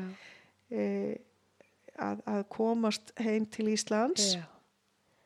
Svo fórum við bara heim svo fórum við bara heim já. og hvernig tók hann þegar hann lappaði svona inn og bara eitthvað, var, voru ekki búin að undirbúa með myndum og svona? Ég var náttúrulega, hafði sendt honum já þetta Já. myndir af herberginu og svo eitthvað. Við reyndar gerðum það að, að við komum við hjá mömmu og pappa Já. e, þar sem hann svona náði að, að heilsa upp á og afa og var náttúrulega búin að myndir af Já. þeim öllum líka Já. e, og hérna og, og, og fransistinni sín e, já þess að börn systra minna Mm sem voru nú þá að komast heim í, í sínar fjölskyldur Já. e, þannig að við fórum þangað og fengum þess að kvöldmatt þar áður við fórum heim Ok. e, og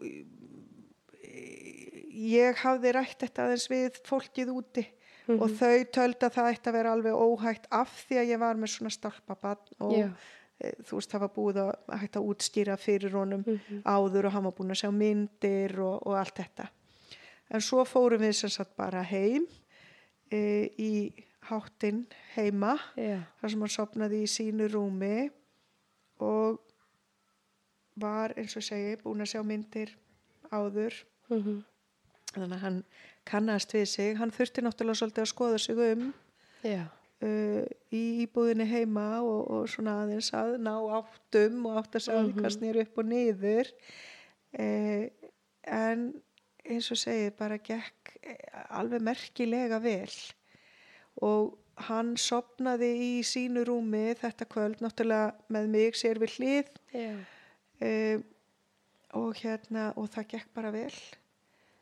Uh, og hérna svo tóku bara við vikur í, í sumarleifi heima á, á í, já bara margar gönguferðir í hverfinu heima og bara ég og hann og, og út að leika og á leikvillina eða lappa niður í Elleardal eða, eða eitthvað mm svoleiðis. Við vorum náttúrulega bara mjög mikið bara tvö þá í okkar aðlögun svo þarna þessar vikur á eftir þó að, að svona inn á milli hittum við alveg fransistinin svona okkar nánasta fólk e, en, en mikið til tvö, bara ein eins og þarf að vera á þessum fyrsta tíma. Og það var náttúrulega alltaf alveg frá upphafi, alveg stýrt fyrir öllum að, að svona þessar grunnþarfir hans væri ég að sjá um ekki einhver annar. Að gefa honum að borða, að koma honum í svefn að sko stifta á honum eða þú veist baða og setja í hrein fött og, og allt þetta Einmitt. að það var mitt hlutverk ef hann meitti sig þá var það ég sem huggaði hann og svo framvegis Já.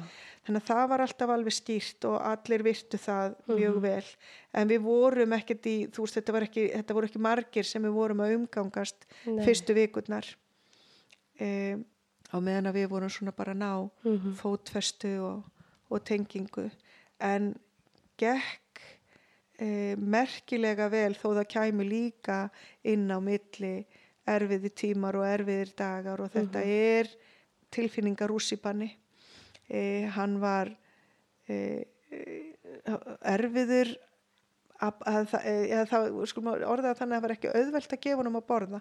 Hann hafði mjög ákveðna skoðanir um hvað hann vildi borða og hvað ekki og, og fyrstu dagana hefði hann getað borða sko tíu banana og bara helst ekkert annað. Mhm. e, til dæmis þannig að hann virtist einhvern veginn svona alltaf festa sig við eina matartegund en ekki vilja neitt annað. Já. svo kannski þú veist eftir einhver, einhverja vikur eða mánuði að þá var allt einu komið inn eitthvað nýtt en þá vildi hann bara það. Já.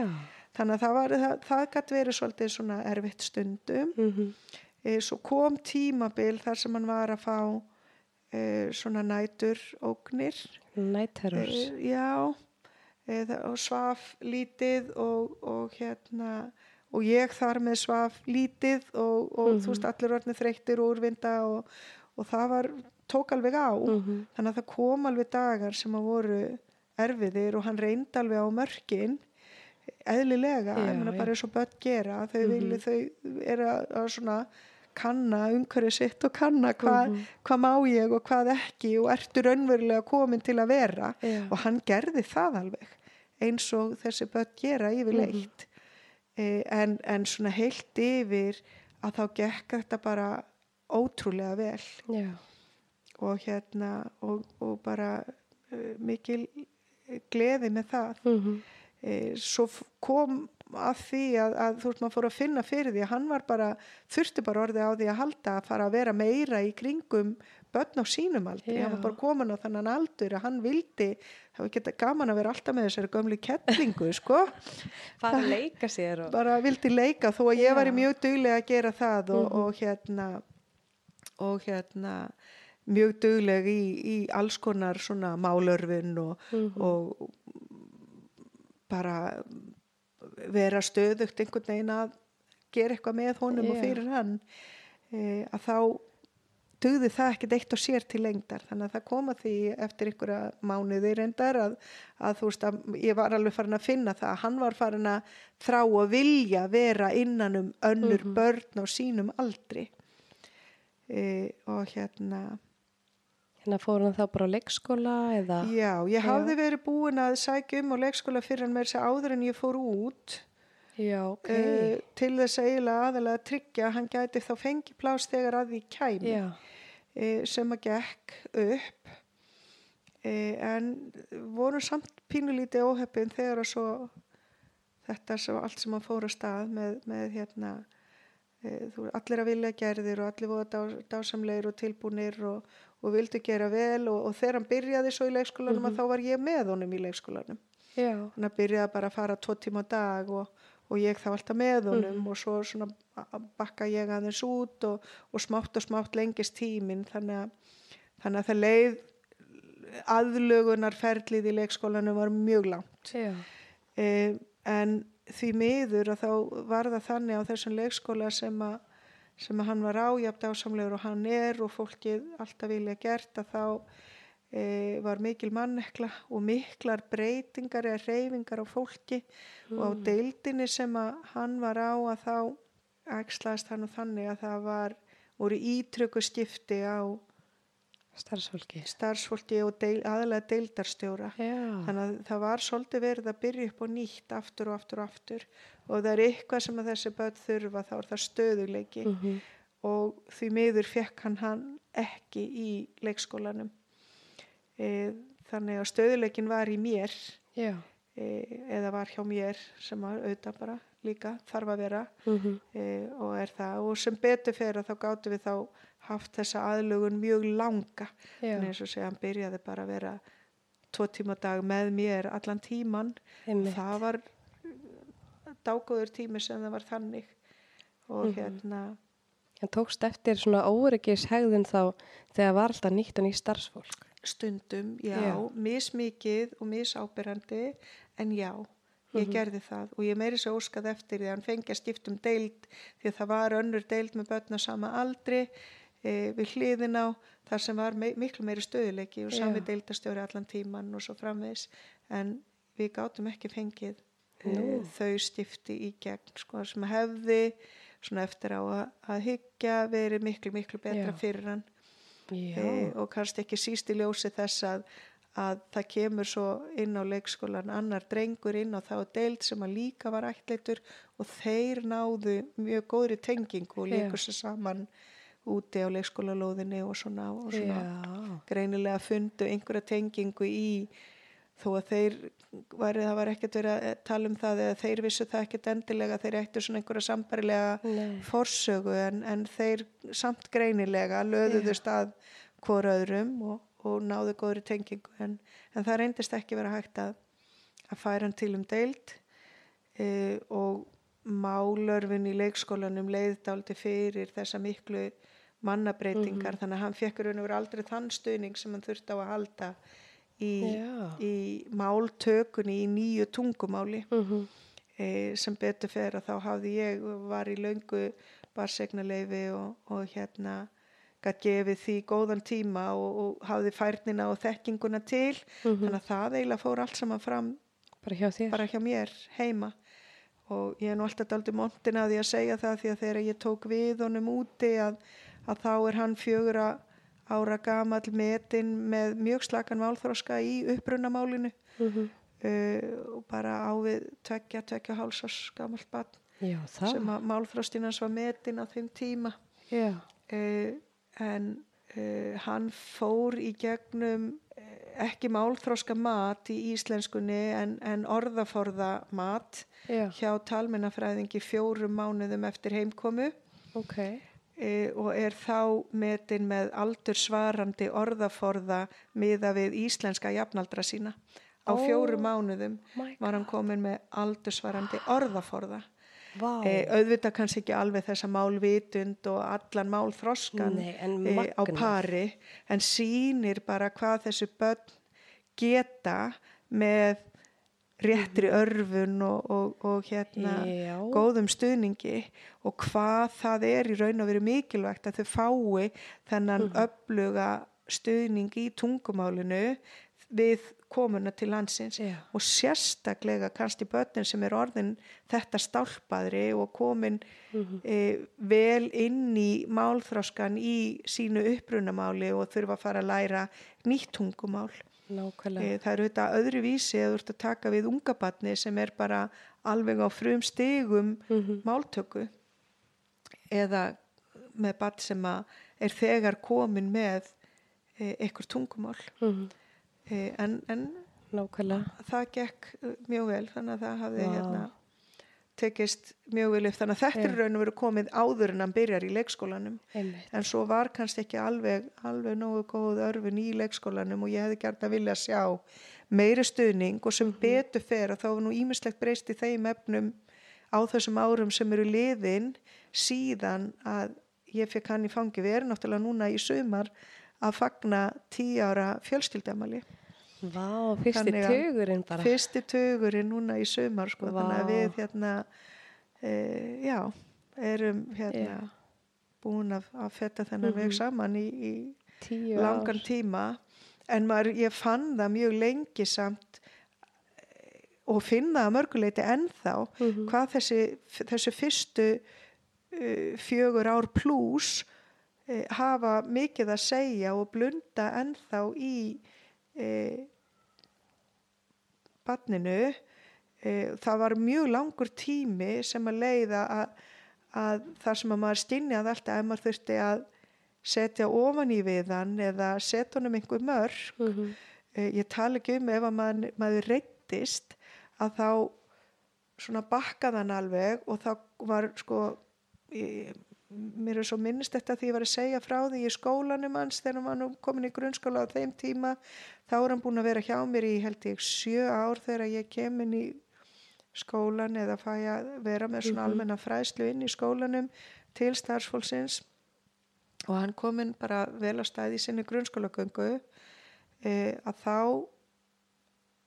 e, var ég að segja frá því einmitt að það var ekkert svo langt liðið síðan að hann hafði síðast spurt mig við svona aðstæður þar sem ég hafði þurft að setja honum einhver mörg og setja ofan í við hann að því að hann hafði gert eitthvað af sér eins og maður gerir eitthvað sem hann vissi að hann átti ekki að gera að, að hérna að þá fer hann í svona ákveðin baklas og spyr, ertu þá hægt að vera mamma mín? Og þannig er hann búin að vera hjá mér samt í sko meiri hluta lífsins. E, búin að vera hjá mér sjö ár Já. og aldrei verið neitt vafi um að okkur var ætlað að vera saman. E, að okkur var ætlað að vera Einmitt. og hérna en hann, það er samt þetta öryggi óöryggi öllu segi ég, Já. sem er svona e, djúbstætt og, og hérna þó að við sem búin að mynda nokkuð góð Mhm. tengsl e, og með bara þokkalega sterk og örygg tengsl að þá er e, það samt svona brotætt að ef eitthvað bjátar á að þá á þessum tíma þá sjö árum síðar e, er hann ennþá óurugur ef, að, Mhm. ef hann mætir einhverju mótlæti eða ekki sannfærður um að, að ég munu nú raunverulega, ég sé raunverulega komin til að vera. Reyndar eh, ekki langt sen að ég heyrði þetta síðast Mhm. en, en ég var einmitt að segja frá þessu eins og segi þarna þegar hann er búin að vera hjá mér e, rétt um rétt tæp sjö ára þá er ég að segja kennurunum hans frá þessu. Og, og mér finnst það svo lýsandi fyrir það hvað e, er mikilvægt að við vanmetum aldrei þessa eða áhrifin af þessari forsögu mm barnan okkar. E, alveg sama hversu langur eða stuttur sá tími hefur verið þar til að þau komast í öryggið en auðvitað því meiri sem að tímin e, er lengri sem að þau dveljast í, í á batnaheimilum eða, eða við óöryggar aðstæður á einhvern nátt þannig að þessi tengsla e, myndun og þessi tengsla vandi getur verið óbúslega djúbstæður þó það ber ekki endilega mikið á Já. honum svona dagstælega Nákvæmlega kemur upp í bylgjum kemur og upp í bylgjum tilfinningalegu nefnilega, sko. svona já, já, dæmi. akkurat Maður tekur alveg eftir því. Já. með alls konar og búið jafnvægi eitthvað tíma svo allt í Og svo- kemur eitthvað og bara, wow, og ok. maður veit ekki einu svona hvers vegna eða Nei. hvað gerðist eða hvað var til Nei, og þetta er miklu íktara heldur en gerist hjá e, börnum almennt sem að Já. lifa bara, eða e, fæðast inn í og, og búa alla tíð við nokkuð örugt umhverfi e, að, að, að, já, að, Já. auðvitað geta þau líka átt óöruga óörug tímabil og, og allt þetta það geta öll börn upplifa Mhm. það en þetta er miklu svona djúbstæðara og, og íktara að sömu leiti Mhm. hjá uh, krökkum sem, sem að eiga svona áfallasögu Já. að baki og, og það er eitthvað sem við þurfum alltaf að hafa í huga og bera Mhm. virðingu fyrir nákvæmlega. til þess að- geta virkilega stutt við þau þannig að þau e, bara verði sjálfsöryggir e, einstaklingar sem eru færir um að mynda örug tengsl við annað fólk í framtíðinni, hvort sem að það er maki eða, eða þeirra eigin börn bara þeirra fram í sækir að, að þetta er gríðarlega mikilvægt Mhm. og sannlega bara með því mikilvægasta sem að við þurfum að vinna að mhm, og hérna og ég hérna þú muna ég hef gert mörg mistök þó ég kunni þetta alveg og viti þetta alveg að þá hef ég alveg gert mistök líka vegna þess að þetta tekur líka á hjá mér tilfinningarlega og, og ég er alveg Já. í rússibannanu með börnunum nákvæmlega. þannig að, að, að stundum hef ég brúðist rámt við Mhm, eh, sem betur fyrir að þá átt að ég nú yfirleitt á því og get þá reynd að leiðrétta það eða, eða allavega að vinna það tilbaka nákvæmlega. e, en, en það er ekkert allir sem að kveikja á þessum ránt. En takk fyrir að segja þetta að að þetta gera allir en það vil ekki allir viðkenna og þú veist, ég gerir mörg mistök líka. Og mann finnst maður eiga að vera fullkominn, sérstaklega þegar þú fóraldri ætlit spats, Já. svona rosalega kröfur og mikið svona gæðastimpla dæmi og maður er búin að lesa sér svo mikið til og maður er svo klár og flottur Mm. og svo stundum bara eh, þú veist, þólmörkin þú veist, maður hefur bara ákveði tolerans stundum sem að daga þreyttur eða eitthvað að hjá manni sjálfum hefur bara illa upplagður og krakkin alveg snar og allt á háa lofti og maður alveg bara missir það en það er svo mikilvægt að það bara ok, ég veit ég misti skapið eða brást ekki rétt við að þá bara vita af því og geta bara tala við batni og útskýr bara ég hefði ekki átt að bregða svona við, það var rámt að mér og bara viðurkenna það. Já, já, algjörlega. Það er algjörlega nöðsilegt að gera það og ég meina þegar upp Já. staðið að þá erum við líka bara mannleg Einmitt. og við förum líka í gegnum þennan rússipanna með barninu Algjörlega. Eh, og, og ég held að þú hafa nú nefnt að sjálf hérna í einhverjum fyrri þætti að, að þú veist þetta hormónaflæði sem að við upplifum Já. þe- í þessu ferli að það er ekkert, eh, ekkert minna heldur en hjá maðurum eða foreldrum sem fari í gegnum að fæða bara, eh, að fæða barn nákvæmlega. e, og, og jáfnvel kannski bara íktara ef eitthvað Já. er að sumu leiti en, en hérna Það er svolítið dramatískar allt saman. að að mörgu leiti er Mhm. það það og, og hérna við verðum bara að bera virðingu fyrir því og átt okkur á því að við erum Já. mannleg og við gerum mistök þó við séum alltaf að gera okkar besta Mhm. en vera þá tilbúin til þess að þetta reyna að leiðrétta það þegar að maður manni verður á. Og, og gefa sér þann tíma og vera svolítið Mhm. svolítið slagur við sjálfa sig að umburðalindur gagvar sjálfum sér Já, að, að þó við vitum og kunnum og getum að þá er ekki þar með sagt að maður sé alltaf 100% tilbúin til Nei. eða færum að bregðast við eins og við eigum að gera þá er maður velmenni sko. Það er eiginlega bara þannig. Já, Og líka- þannig sko. Ég, þú veist, ég vil bara trúa því að það er líka bara holdt fyrir batni að sjá, þú veist, maður er að díla við ímislega sjálfur já, og að maður, þú veist, viðkenni og segi bara, þú veist, og fyrirgefðu, þú veist, þetta hefði ég átt ekki bregðast við svona, bla bla bla og þú veist, ræða málin Já, já. og líka bara ég er ekki fullkominn og við erum öll að reyna einhver bestaði mitt eins og segir og við erum alltaf að reyna að bæta okkur, við notum það mjög mikið hérna við Steini og Martin, bara ég er alltaf að reyna að vinna í mér og vinna í samskiptum, alveg eins og þú og við öll saman og það einefnilega bara, þú veist, ef að einni pyrraður þá bara verður þetta svona bara snowball effekt Já, já, það hefur áhrif. Og, hérna, og það er líka allt í lægi að þau og eins og bara börn almennt, börn almennt megi alveg upplifa þá að finna að, að foreldrar upplifa alls konar tilfinningar líka. Já. og að það er í lægi að sína tilfinningar sínar. Auðvitað þurfum við öll að reyna að læra að gera það þannig að Einmitt. það sé á uppbyggilegan hátt og, og beina þeim í einhvern farveg sem að er hvað við segja, ásættanlegur Já. en lífið er ekki bara hérna dans á rósum og, og, og við upplifum alls konar tilfinningar. Og börn meiga alveg sjá það að foreldrar upplifa líka alls konar tilfinningar og eru misvel í stakkbúin en, en einmitt þetta að kunna að byggja stafsökunar er líka bara mjög mikilvægur eiginleiki. Og það er eitt af því sem að minn drengur kann til dæmis mjög vel. Mhm. e, og hefur alltaf verið tilbúin til kannski vegna þess að e, ég var það Já. og ég síndi honum það að ég gæti gert það þegar að mér Mhm. verður á að þá get ég beðist afsökunar og rætt málin og sagt þú veist ég vil gera betur og, og við skulum hérna e, ég ætla að reyna að gera betur í, í framtíðinni og, og, og hérna passa mig betur og allt þetta en hann á mjög auðvelt með það líka að byggast fyrirkjöfningar þegar að honum verður á að Já. gera eitthvað sem að gerist alveg Nákvæmlega. Eh. Mér finnst það bara svo fallegt en, en hann kann það og það er þróskandi. það er það nefnilega Það er það. Minnir einmitt líka svona og mér er svo dásamlegt þegar um- um daginn hafa eitthvað voða pyrraðu dagur og svo við að fara að sofa og hann liggur upp í rúmi og ég er að liggja hjá honum og hann er ég held við þurfum öll að byggast aðeins afsökunar. Ég leið nú. Já, þú þarfst að byggja mig afsökunar því þú varst rosa pyrruð á þann eitthvað. Ég leið, já, og ég þarf að byggja þig afsökunar. Og ég, hvað ertu, 95 ára eða? Já, nákvæmlega.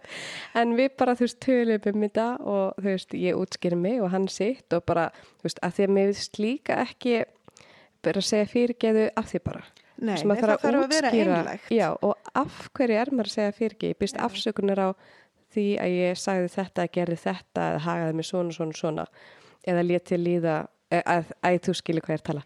Já, bara, þú veist, ekki bara hvað þú æfyrge, Nei, það er nákvæmlega. meining þar. og ég, það kemur auðvitað alveg fyrir að það er reitt svona, ég menna eitthvað fyrirgeði Já, guð. og þá segi ég bara nei það er ekki þannig þegar að ég stinja og finn að þú meinar Mhm. fyrirgefðu þá ger ég það Já, en þetta var ekki þannig og þá bara, þú veist, ræðum við það einmitt líka og svo kemur það yfirleitt líka þá bara setna, en það er ekki alltaf gott að segja fyrirgeðu bara strax ef er ekki, ef maður er ekki alveg tilbúin ef maður er ekki komin þangað, sko nákvæmlega. En, en þetta er hérna, já, þetta er eitthvað sem að, að, að er mjög mikilvægt að, að þau bara upplifi og finni að maður megi gera. Og þú nefndir þarna annað líka eins og segir, hérna, ertu 95 ára. Já. en það er annað sem að er kannski meira ábyrrandi hjá okkar börnum heldur um mörgum öðrum börnum. En það er þetta hvað við að segja, breyða aldurs eða þroskabil sem að þau eru ofta að sína Já. að þú ert með eh, barn á einhverjum x aldri og barni getur á, jáfnvel á sama degi verið að sína sko, þroska á við töluvert yngra barn vegna þess að það hefur far, fór á misvi svo margt í sínu þroskaferðla þá bara eftir að upplifa upplifa e, alls konar hluti til þess að vera komið þangað Já. en svo samtíma er það kannski orðið þroskað umfram sinn raunaldur vegna þess að lífsbaráttan var svo hörð og þau þurft að flýta sér í gegnum ákveðna Nákvæmlega. þroska þætti einhvern veginn og, og svona berjast aldrei fyrir sínu þannig að sumuleiti geta þau verið að sína e, meiri þroska heldur en aldur þeirra segir til um en á sama tíma líka oft mun minni þroska heldur en aldur þeirra segir til um og þetta stilja heldur ekki allir að Nei. þau eru svona að það er þetta svona breyða Já. í getunni þeirra Og getur komið oft yfir einn dag. Aldjúlega á sama deginum sko. Ég var einmitt að útskýra nákvæmlega þetta fyrir einum fóreldri um daginn. Bara hérna, hann á tvo bestu vini og við vorum bara eitthvað að tala um þetta skilju og munin á strákunum og eitthvað. Akkurat. Og ég var einmitt að tala um þetta skilju. Bara stundum er hann bara innan við einsás. Mm Bara maður tekur eftir því, það er bara að koma svo leið stundir. Svo allt í einu er hann bara átt ára. Svo allt í einu er hann kannski 5-6 ára og kann ekki, getur ekki, þetta vill ekki, þú veist. Og þetta er bara svo merkilegt en fólk sem að á ekki þannig börn, bara svona tiltrúlega eðlilegt er hann gæsilappa, þessi líffræðilegu Já, já. sem að upplifa ástrík heimila alla tíð. Það er bara svona, já, það skilur ekki alveg. Svo er bara, já, ætlingar aldurinn, þú veist, hann er í rauninni sex ára en hann er átt ára já, já. Og stundum miklu yngri og stundum, stundum, stundum, þú veist, mér finnst þetta bara alltaf að magna, sko. Já, já, er, er það algjörlega? Og þetta er eina ástafnum fyrir því af hverju eða kannski, eða ég allavega hef valið að tólka það þannig að Já. það er allavega e, mjög ábyrjandi hefur mér fundist hjá fóreldrum e, ætlættir að batna þau fyrstu vikurnar og mánuðina eru mjög mikið í sundlauginni. Já, og það er til, meðal annars til þess að barni fái tækifæri til þess að upplifa þess að húð við húðsnertingu sem að barni hefur undan tekninga lítið farið á misvið sem unga barn. Já. sem að unga börnin fá þegar að það er verið að gefa þeim á brjósti eða pela. Mm eh, en þau fengu aldrei að því þau voru bara látin líka í einhverju, einhverju rúmi og, og, og pelu upp í munn og þurftu bara að sjá um þetta sjálf. Já, og hérna þannig að þau svona fóru á mis við þetta og, og það er eitt af því sem að, sem við gerum svolítið meðvitað eða ómeðvitað Mhm. að það er að veita þeim þetta e, til þess að þau fái þá tækifæri til þess að vinna sig í gegnum það þroskaferli sem Já. þau fóru á mis við en á sama tíma getur kannski sama batni þurft að hafa sko eh, berjast fyrir því að fá bara nægan mat mm til þess að hérna, lifa af daginn eða veri ekki bara að þjást við næringaskort eða eitthvað Einmitt. þó að það sé þetta misamt á milli landa hvernig aðbúnaðar er og allt það Mhm. en, en e, já, ef maður, ef maður hugsa taldi það þannig að stundum hafa þau þurft að svona flýta sér í gegnum eitthvað þroskaferdi til Mhm. þess að vera færum bara að bjarga sér sjálf já. með ýmsar svona grunnþarfir sem að Mhm. ok, í, í önnur börn kannski eru enn að þykja frá foreldrum Já, sínum og mér finnst ég muna maður fekk stundum aðtöðasendur um að maður væri að, að þjónusta batnið og mikið þegar Mhm. maður var að hjálpa því að klæða sig eða eða jáfnvel að sko stjera matinn ofan í það eða mata eða eitthvað Já. hann á nú að vera orðið nógu gamall til að en að bara nei, í dag þarf hann á því að halda að ég geri þetta fyrir það Já, og þá geri ég það. Ég nákvæmlega. veit alveg að hann kann og getur gert þetta sjálfur en í dag þarf hann á því að halda að ég geri það fyrir sig. Já, Hann bað mig um það og þá geri ég það. Af því ég nákvæmlega. finn og veit að það er þar sem að hann er stattur akkurat núna. Mhm. Á morgun gerur hann þetta kannski sjálfur Nákvæmlega. en það er ekki sjálfgefið. En það er þetta svona, en þetta finn, finnum við, e, finn ég hjá báðum mínum börnum e, mjög lengi þó að þau séu búin að vera lengi hjá mér að þá finn ég þetta Mhm. ennþá að sumu Já. E, og eiginlega bara mjög miklu leiti, þennan, þennan mikla þessar miklu sveiflur í raun og veru í bara þroska stíi, jáfnvel á milli daga og jáfnvel á milli eða þroska þátta eftir aðtökum. Fyrst þér að hafa einhver áhrif eins og bara svona tilfinningalega eða álag eða einhver streitu ástand meira að það flakki þá meira á milli eða þessi stöður, stöður að stundum eða Sko ég verð nú að viðkynna, ég hef kannski ekki endilega tengta við það en jú, ég meina að sjálfsögðu að það er meira álag að þá eh, eru söflutna meiri. Þann, við, við erum öll þannig, Mhm. við erum bara alveg sama við hvaða Nákvæmlega. aðstæður við höfum búið en eins og ég sagði áðan að, að þetta verður svolítið íktara Já. hjá þeim og auðvitað þegar það er meira álag að þá finna þau meira fyrir því Mhm. og þurfa meira á því að halda að það sé svolítið svona þeim Einmitt. sem hjálpað að setja ramma utanum sitt daglega líf e, og þá kannski kalla þau meira eftir því. Einmitt. En á sama tíma e, erum við sem foreldrar kannski ekkert endilega alltaf stödd þar sjálfa því að ef að það er mikið álag á þeim að þá er það, Mhm. það yfirleitt líka á okkur á Já. sama tíma. Þannig að þetta er eitthvað sem við þurfum að vera mjög meðvituð um og bara vera tilbúin að draga andan að þessu ofan í nafla og bara segja ok, ég er ekki alveg þar en hann þarf á því að halda, hún þarf á því að halda og þar Mhm. með hérna bara Nákvæmlega. ger ég það. Já. En, en já, þannig að þetta eru bara, þetta eru söflur. Þetta eru sveiflunar. En ef að fara að yfir í, við erum búin að tala um strákiðin, indisla gullmálan, já, og þá er að aðal skvísan á bænum. Það er aðalskvísin á bænum, já. Hvernig tókstu ákvörnuna fljótt eftir að strákur kom að ætlega aftur? Já, ég gerði það því að ég var eh, að komast á aldur, ef við getum orðað þannig.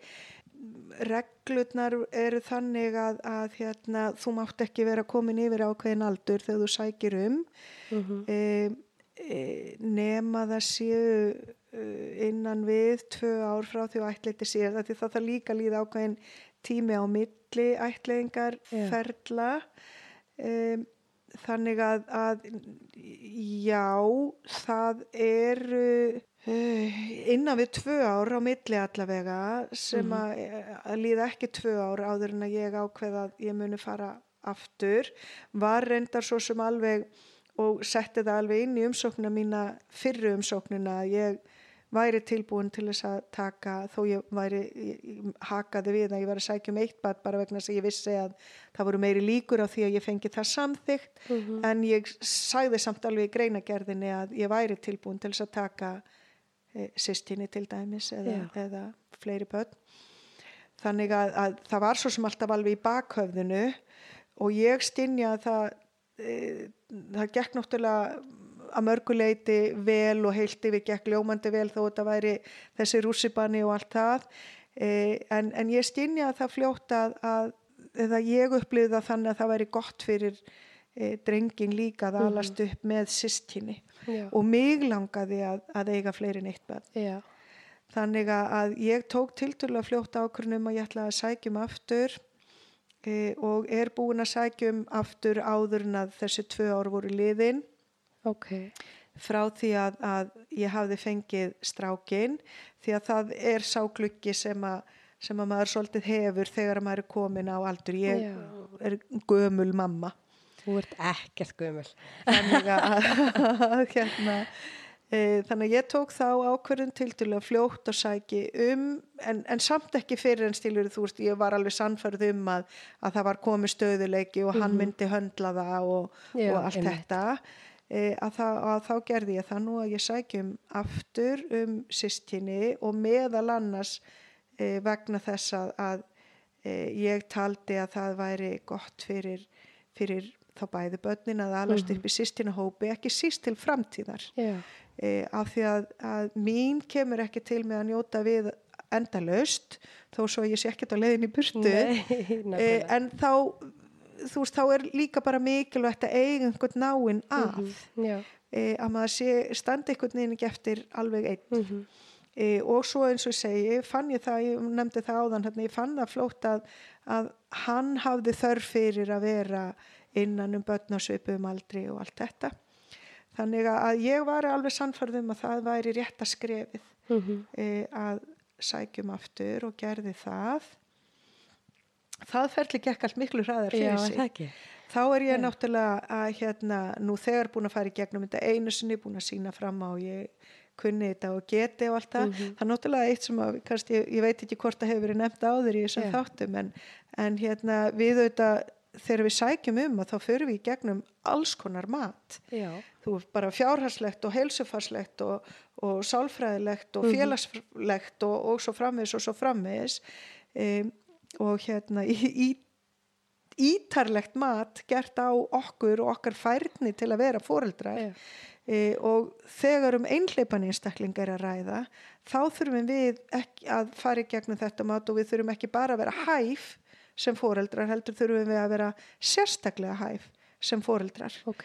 þannig að, að, að við erum með það upp á skrifað að það er mat fagmanna að við séum sérstaklega hæf sem foreldrar Þið eru hæfari heldur við. held að hæfari heldur en gengur að gerst en það er ekkert eitthvað sem allir Nei. foreldrar þurfa að, að hafa upp Nei. á skrifað á þennan þið fá að eigna spött sko. Nei, það eru því líki gæðastemplar. Sko. það eru er ákveðni gæðstimplar ég tel mig alveg standa undir því Já. en, en hérna en ég sem sagt ákvaða að sækja um aftur og þá er í, í raun og veru bara svolítið svona uppfæsla á fyrri umsókn Já. þannig að þegar að ég fer í gegnum allt þetta mat aftur og þá þurfti ég ekki að fara í gegnum allan pakkan varðandi e, félagslega sögu eða heilsufarsögu eða þú veist, ég Já. þurfti raun og veru bara að bæta við hvað hafði breyst á þessum tíma sem að Ókei. liðin var frá því að ég fekk Já. e, fyrr, eða frá fyrri umsóknir Ok. okay. og hérna þú veist hvernig aðstæður höfðu breyst á þeim tíma. Mm Mhm. fjárhagslegar aðstæður heimilis aðstæður e, og hérna e, félagslegar, sálfræðilega, allt þetta. Já. e, þannig að ég fór í, í sjálfu sér í gegnum allt þetta mat aftur en, en það var svona skemmiri skýrt af því þau höfðu þetta allt fyrra mat sagan mín hafði ekkert breyst Nei, það hafði ekkert breyst hvar ég hafði fæðst og, og, og hverja mínar uppeldisastæður hefðu verið og, og allt þetta. Þannig að það hafði ekkert breyst. Þannig að þurfti bara að bæta við þessu Já. ofan á. Þannig að það ferli gekk miklu hraðar og síslumaður ekki með neinar neinar hérna efasemdir. Þannig að ég, forsamþykki kom e, bara þokkalega hratt og bara svona eðlilegt ferli á því Mhm. myndi ég segja.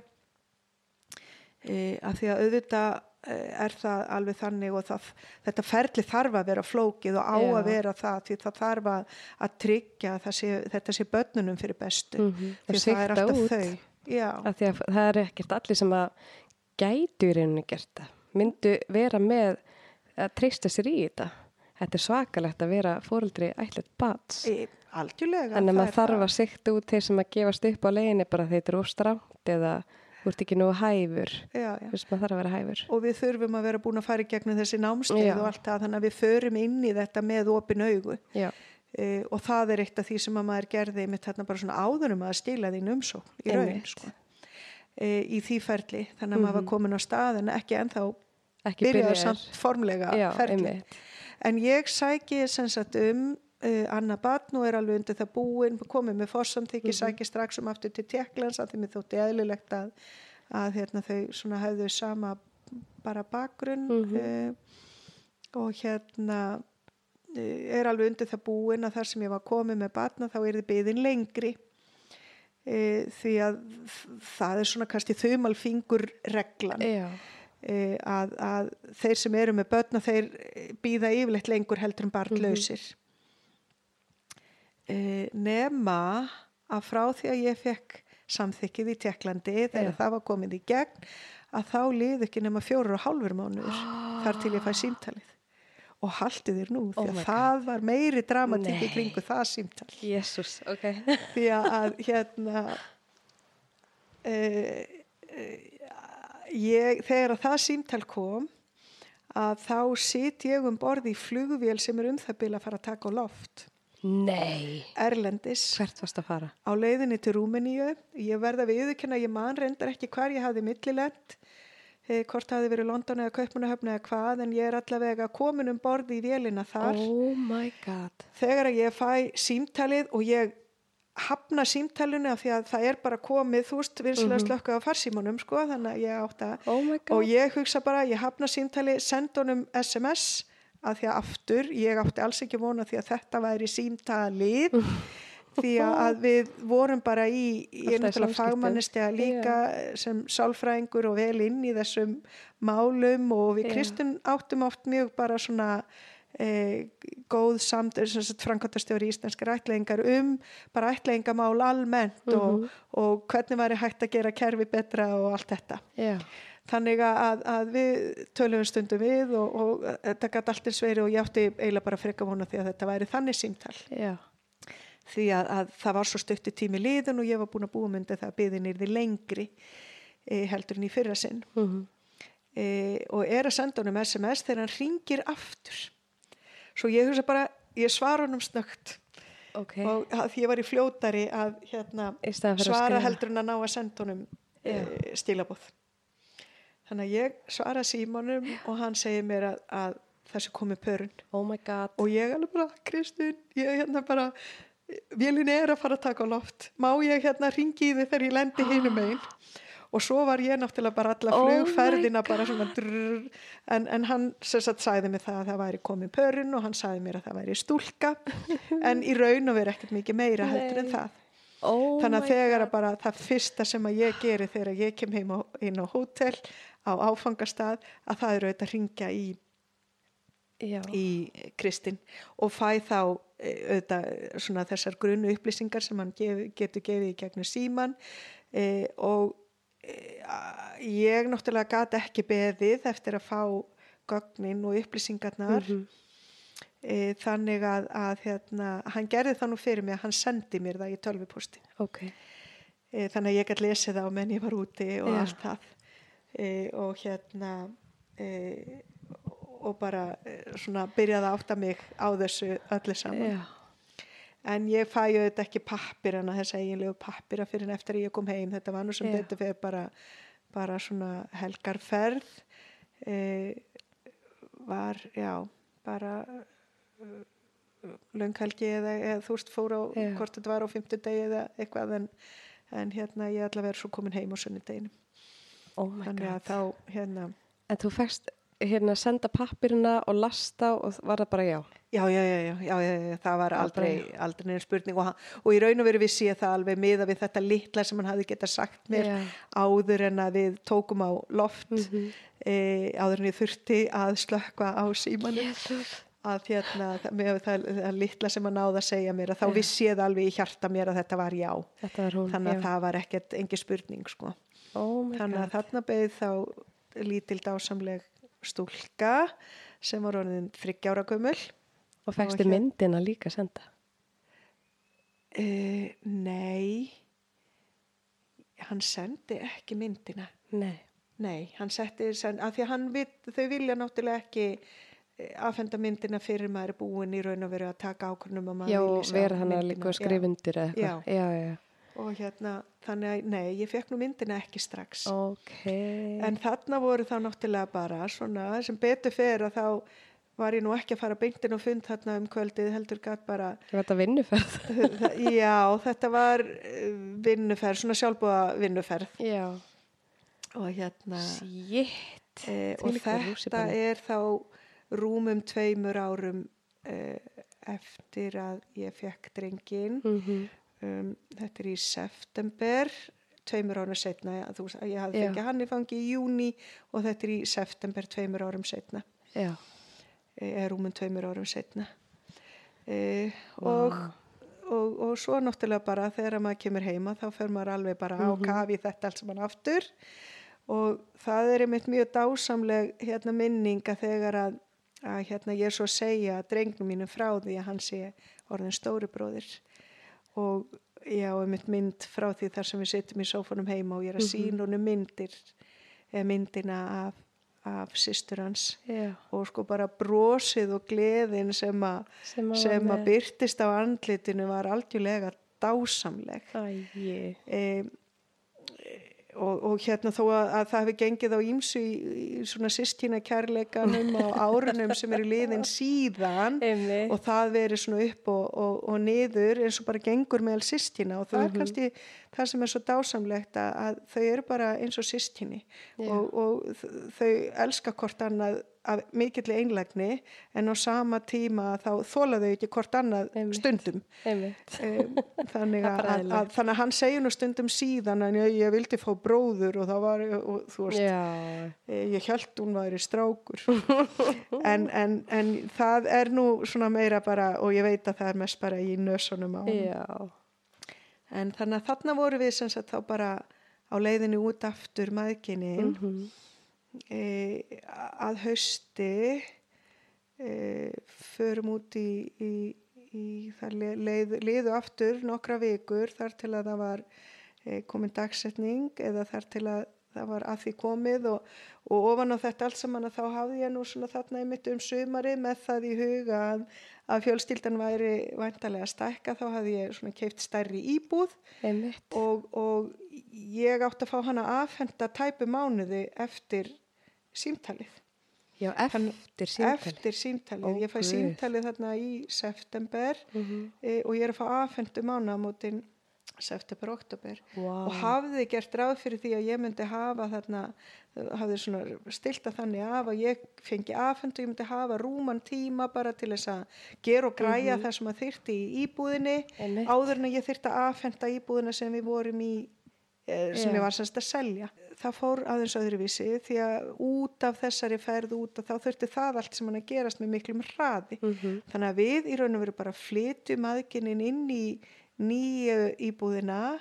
E, ég var búin að ná að græja badnaherbergin en ekkert annað og það er bara þannig að það er ná, bara kössum fleikt inn í íbúðina Já. og hérna eh, svo erum við bara farin út þannig Oh að það þú svona, svona, í, svona aðeins eh, gerir söguna eh, svona stemtilegri að, að þá var það þannig í raun og veru. Við allavega, ég var enga veginn búin að ná að koma mér eitthvað fyrir að Nei. fullu í þessari nýju íbúðu, þetta voru svona helstu atrið komin og ég hafði lagt áherslu á batnaherbergin þannig að þau voru komin en, en það var hellingur á dóti ennþá og hún í kössum og enga myndir komnar upp á vegg eða, eða neitt svoleiðis þó að sófinn væri komin inn í stofu og, Mhm. Og hérna og, ímsu bara hent inn í geimslu og ræðað Já, og eitthvað sko. Allt um allt. þannig að, að hérna, það var svona bara málað í snatri og flutt inn og farið út Jésús.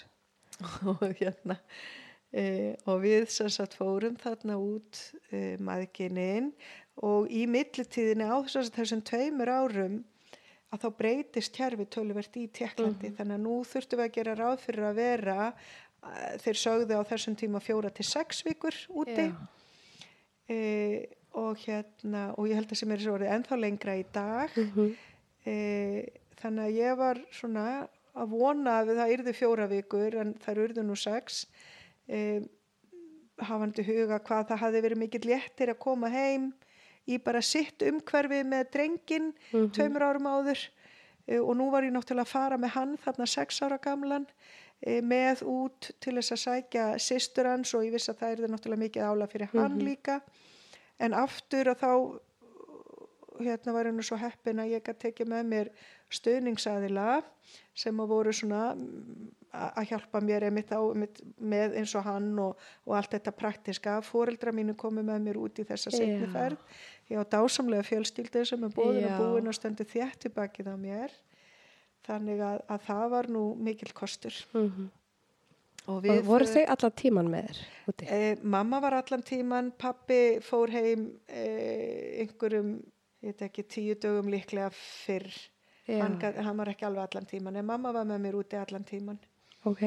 Og hérna við fö- förum sem sagt, eh, fljúum á, á hérna, fljúum til Prag. Nei, við Brno. fljúum reynda til Vínar Nei, vínar, og tókum hérna uh, rútu þaðan yfir til Brno sem að, til þess að fara á, á núlfundin uh, og, og fengu þar allar upplýsingar bara eins og áður bara þetta, allar þessar upplýsingar og, og, og tökum svo lestina í það skipti Ok. uh, yfir til í hlafa þar sem að, að Mhm. stelpan var uh, og hérna eh, það var nú einmitt eh, ákveð æventýri í, því líka það hefði verið sennilega afslappara ef maður hefði geta farið í, í rútuna því að þarna e, var erfitt að koma staði á hvaða hérna brautarpalli lestin ætti að koma og svo framvegis Einmitt. þannig að við endum á því að þurfa nánast að hlaupa um borð í lestina en sem betur fyrir bara ein lest Já, var það? Að því ég, okkar stráku var ég hlafa líka, hefur verið á sama batnaheimili og við fórum í lest en endum í einhverju tveimur lestum og þreimur rútum. Já, já, nei, nei, við náðum þessu bara á einni lest Ég veit ekki alveg hvernig Nei, fyrir ekki, nú íki ég aðeins, Já. það voru tvær, ein frá sem sagt Ok. Brno til Prag Já, og svo ein frá Prag til Íhlafa. já þið gerðu það. Það var þannig. Já. Við ákveðum að fara bara beint frá börn til ég hlafa já, og það var rosalegt vesen. Já, en þetta, þetta gekk upp svona. Mm E, þannig að, en við þurftum þarna aðeins að hlaupa sem var daldi átak fyrir, fyrir móður mína sem átti ekki auðvilt með að, að eh, fara svona hratt yfir. e, á þeim tíma, en það tókst e, þannig að við förum e, til Íhlafa og það var nú svolítið hann brosti nú svolítið að okkur leigubílstjórin þegar að, að við báðum um e, við, brest, við hérna lestastöðina í Íhlafa að því við ætlum að fá far sem sett upp á hótelið að því að hótelið var í raun og verið göngufæri frá lestastöðinu Já. en við vissum það ekkert Nei. og svo þetta voru við með farangur og við erum með strákin Mhm. þú veist þreyttan úrillan og, og, og mamma sem átti ekki döðvilt með að lappa langa leiðir þannig að við tókum nú samt en leigubíl þessar, þessar þú það hafi ekki verið löngleið það hefði verið hægt að lappa þetta alla, alla jafna og hérna og svo náttúrulega eins og í fyrri ferðinni að þá var að sjálfsögðu tekin strætóferðin að batnaheimilinu þegar við vorum bara búin að koma dótin inn, á, inn í íbúðina, við vorum á íbúðahoteli sem sagt. Tókstu hérna strákið með að skoða Já, já, já. bara hérna um kvöldi? Já, Já. já eða, þú veist þetta var svona daginn. setni part, það var ekki komið fram á kvöld neitt en, en svona setni part. E, f- föru eða und, und, um, um kvöldmatt eitthvað svona við þurftum náttúrulega líka bara að sátt okkur á því hvað snýr upp og niður og, og finna út í hvað við getum borða eitthvað. Það reyndar endaði svo þannig að það var veitingastafur bara í húsinu Já. sem að hóteli var í. Þannig að við borðum nú þar. En við fórum uh, með og ég tók hafði alveg tekið ákvörðunum það frá upphafi að hann yrði að vera með mér í gegnum allt ferli Mhm. því það líka, ég meina okkar þó hann væri búin að vera þarna hjá mér í rúm tvö ár og okkar samband orði bara ansi traust Mhm. eh, að þá samt sem áður eins og við töluðum um áðana er svo grund í óöryggið Já. e, og það mátti aldrei verða þannig að hann upplýði það sem að þarna væri hann settur til hlýðar að því það væri komið Já. eitthvað annað batn e, e, og, og hérna e, þannig að hann varð að vera með í gegnum allt ferlið það var ekki þannig að ég var eitthvað að stila honum og setja hann bara í hendurnar á einhverju öðrum að því ég var að taka við Já. öðru batni e, þannig að ég var mjög meðvituð um það að hann yrði að vera með mér í gegnum allt ferlið Mhm. þannig að hann var það svo sannarlega e, og það tók alveg á Já. það var ekkert auðvelt, hann er náttúrulega þarna sex ára gamall e, og hérna er í raun og veru kift út úr skólanum sem hann er Mhm. nýbyrjar í og verið nýflutt og búið að vera ímsa breytingar Já, já. þannig að þetta var ekkert endilega auðvelt tímabil e, og kift svolítið út úr sinni rútínu Mhm. uh, og, og það var dálítill galli að, að þurfa að vera þá svona lengi í Mhm. Í Tékklandi. Tjekklandi sérstaklega hans vegna Já. Uh, af því að rútínan stiftir svo miklu máli Já. Og hérna en við fórum og kíktum náttúrulega á batnaheimili líka til að vita bara afsakið, stræt og leiðina e, og, og hvernig við ættum að komast og, og þekkja þá húsið og, Mhm. og allt þetta og aftur upplifum maður bara svona þessa sömu tilfinningu alveg bara svona Oh my god. stelpan mín, barnið Já. mitt er þarna einhvers staðar á bakvið Mhm. e, ég veit ekkert hvort að sá okkur einhver í, þú veist, Í í, húsinu eða já. í gluggunum eitthvað slíkt en, en við svo sem döldum ekki tóða lengi Nei. þarna við en, en hérna en við fórum og kíktum á, á húsið e, og svo morgunin eftir förum við á barnaheimilið og, Mhm. og hittum, hittum hana e, fyrst auðvitað fórstöðukonuna og, og, og hérna Já, annar starfsfólk sem gætt svona veitt okkur upplýsingur um hennar daglega líf og, og heilsufar og, og allt þetta e, það var náttúrulega pakki sem að þurfti að taka á móti þar Já. hvað það var þar e, og hérna e, mikið af upplýsingun sem að þurfti að melda og meðtaka Mhm. e, en, en við vorum þarna inn í svona stórum eða litlum sal öllu heldur sem að var nýttur á þessu batnaheimili sem eins konar íþróttasalur vil Mhm. ég segja eða allavega svona leik svona starra leikrými Já. fyrir börnin þar sem þau gáttu meira hreift sig Mhm. að þar var með frá einu vegnum svona sóf, grár sófi sem við sátum í og tókum við öllum þessum upplýsingum og, og svo er, er stelpan sótt og hérna fórstöðukonum fer og sækir hana e, og, og leiðir hana þarna inn til okkar og, og eins og með strákin greinilega búið að segja henni eitthvað Mhm. Hún er þarna upp á dag þryggja ára og tveggja mánada þannig að Já. 38 mánada upp á dag er hún þegar að, að hún, ég hitt hana fyrst Mhm. fæ hana fyrst í fangið og hún er svona varfarnari Já. þegar að hún kemur, hún er feimnari greinilega Já. þegar að hún, hún er leitt þarna inn til okkar og við maðurkinn tökum á mótinni e, opnum örmum brosandi en, en hún er svona pínu feimin og Mhm. svona aðeins skýli sér við forstöðukonna sem var ekkert, ekkert óeðlilegt og bara en, en var samt alveg tilbúin og greinilega hlustaði og stildi þar sem að forstöðukonnan var að reyna að útstýra fyrir hennu þó að ég stildi það ekki Já. og hérna hún kemur þarna með svona eh, lítið plastveski e, sem að hérna í var sem sagt forláta tré hálsfesti með svona stórum tréperlum eða, eða trékupum sem að hún hafði sem sagt föndrað með einhverjum starfsmanninum til þess að gefa mömmu sinni Ó.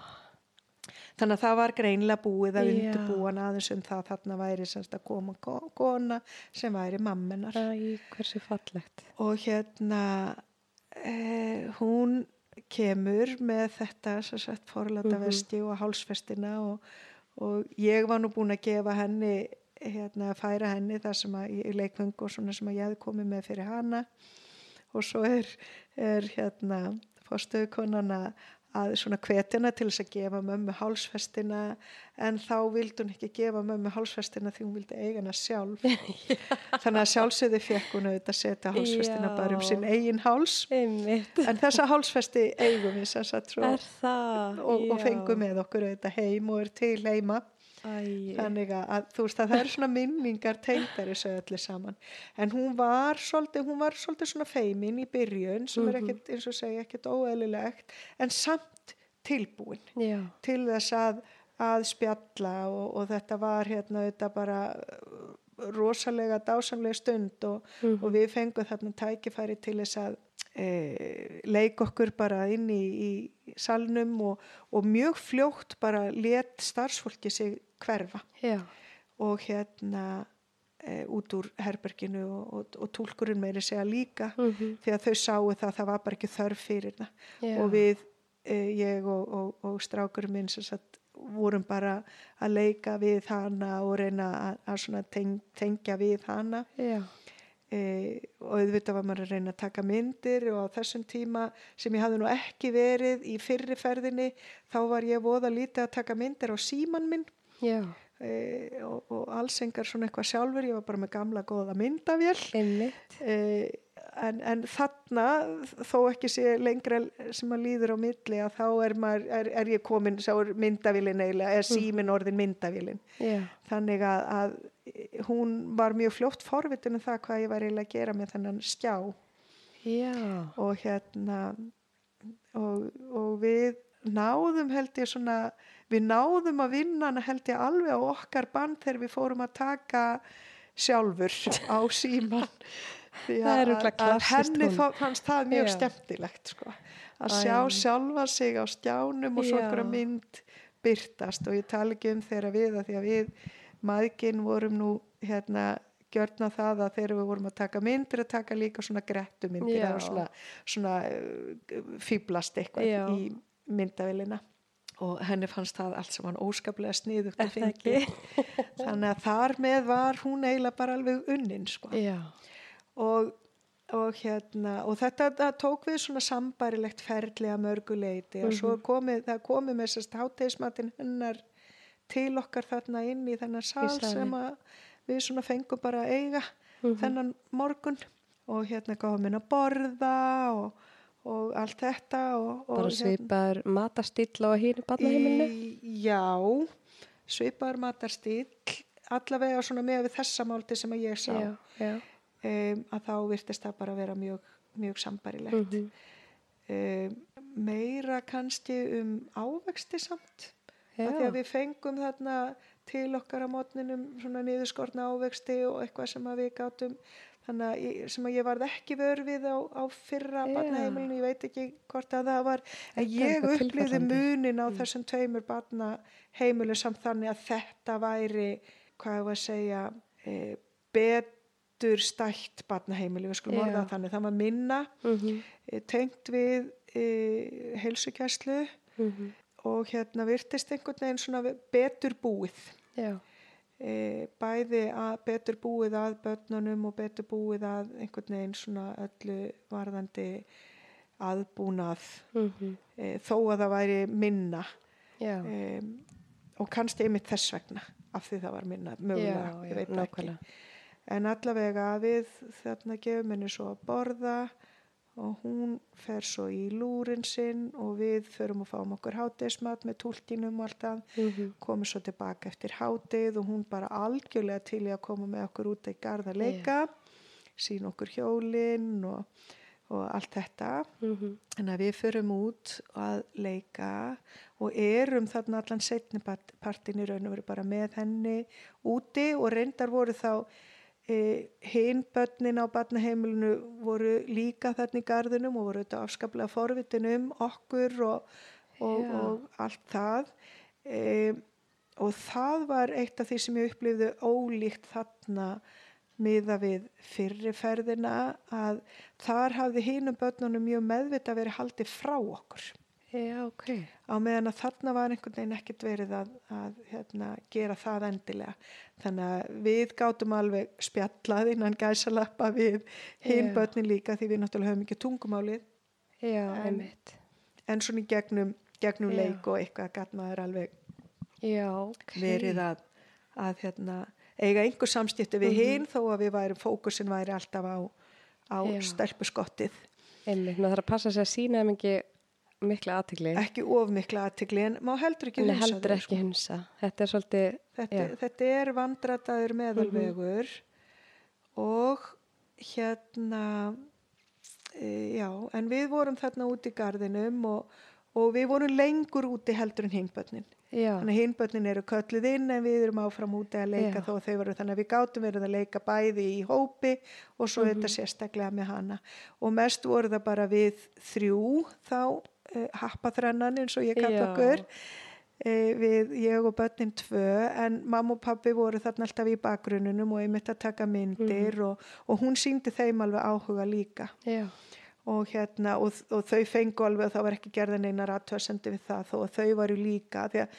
hún þurfti náttúrulega líka ná að tengjast þeim þó að væri með öðrum hætti já, en mamma og pappi voru einmitt alveg eins og sýstu mínar hafði verið á í fyrriferðinni mjög meðvituð um það það væri mitt Mhm. hlutverk að sjá um allar grunnþarfinnar og þau væri þarna meira svona e, í stuðningnum og í bakgrununum og mætti að sjálfsögðu spjalla við hann og leika við hann og allt það en, en svona meira til nákvæmlega. sérstaklega framan af. Já, Já, en svo var það gerist það einmitt aftur þegar að svo ég þarf að lappa með hana svona fyrir að líða framöndu kvöldmat og ég þarf í raun að vera skilenni innan gæs að lappa aftur að, að hérna þú veist bara í háttin en ég fekk ekki að setja hana í rúmið eða háttana þannig nei, að ég bara kem með hana í raun að vera að deildin hennar eða dyrunum Mhm. og þar er tekið við henn og ég þurfti að segja bless við hana bara í dyrunum. Já, og hún var svo sannarlega ekki til í það.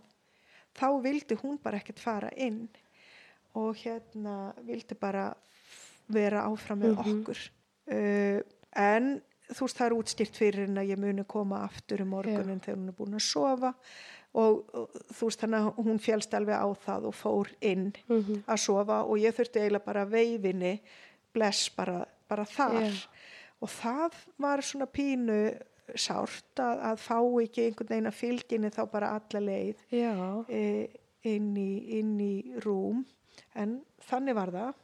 Já, og, og, og ég þurfti bara að kingja því en, en kem svo að það voru reyndar öll samskipti voru miklu auðveldari þarna því það var þó meiri ennsku kunnáttu þó Mhm. það væri ekkert allir já, um, en, en forstöðukonan til dæmis talaði ennsku sem mm Mhm. -hmm. forstöðukonan á hinu barnaheimilinu hafði ekki já, gert kunni ekki.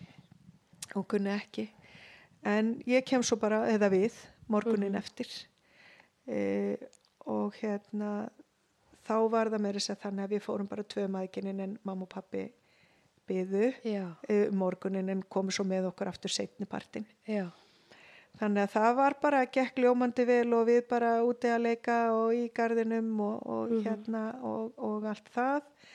E, já, ne, og það var þarna strax á þessum öðrum degi sem að hún fekk að koma með okkur svo þá komu mamma og pappi með mér á samt drengnum e, til þess að fara og hitta hana og sækjana og við fengum að fara í, út fyrir barnaheimilið.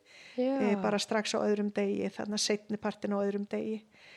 E, og förum þá í heimsókn inn á, inn á hérna hótelið og, og hérna og þú veist, hún fara að sjá hvar við erum og, og, Mhm. og allt þetta og svo komum við með hana bara tilbaka Var það ekkert mál kvöldið. fyrir hana eða?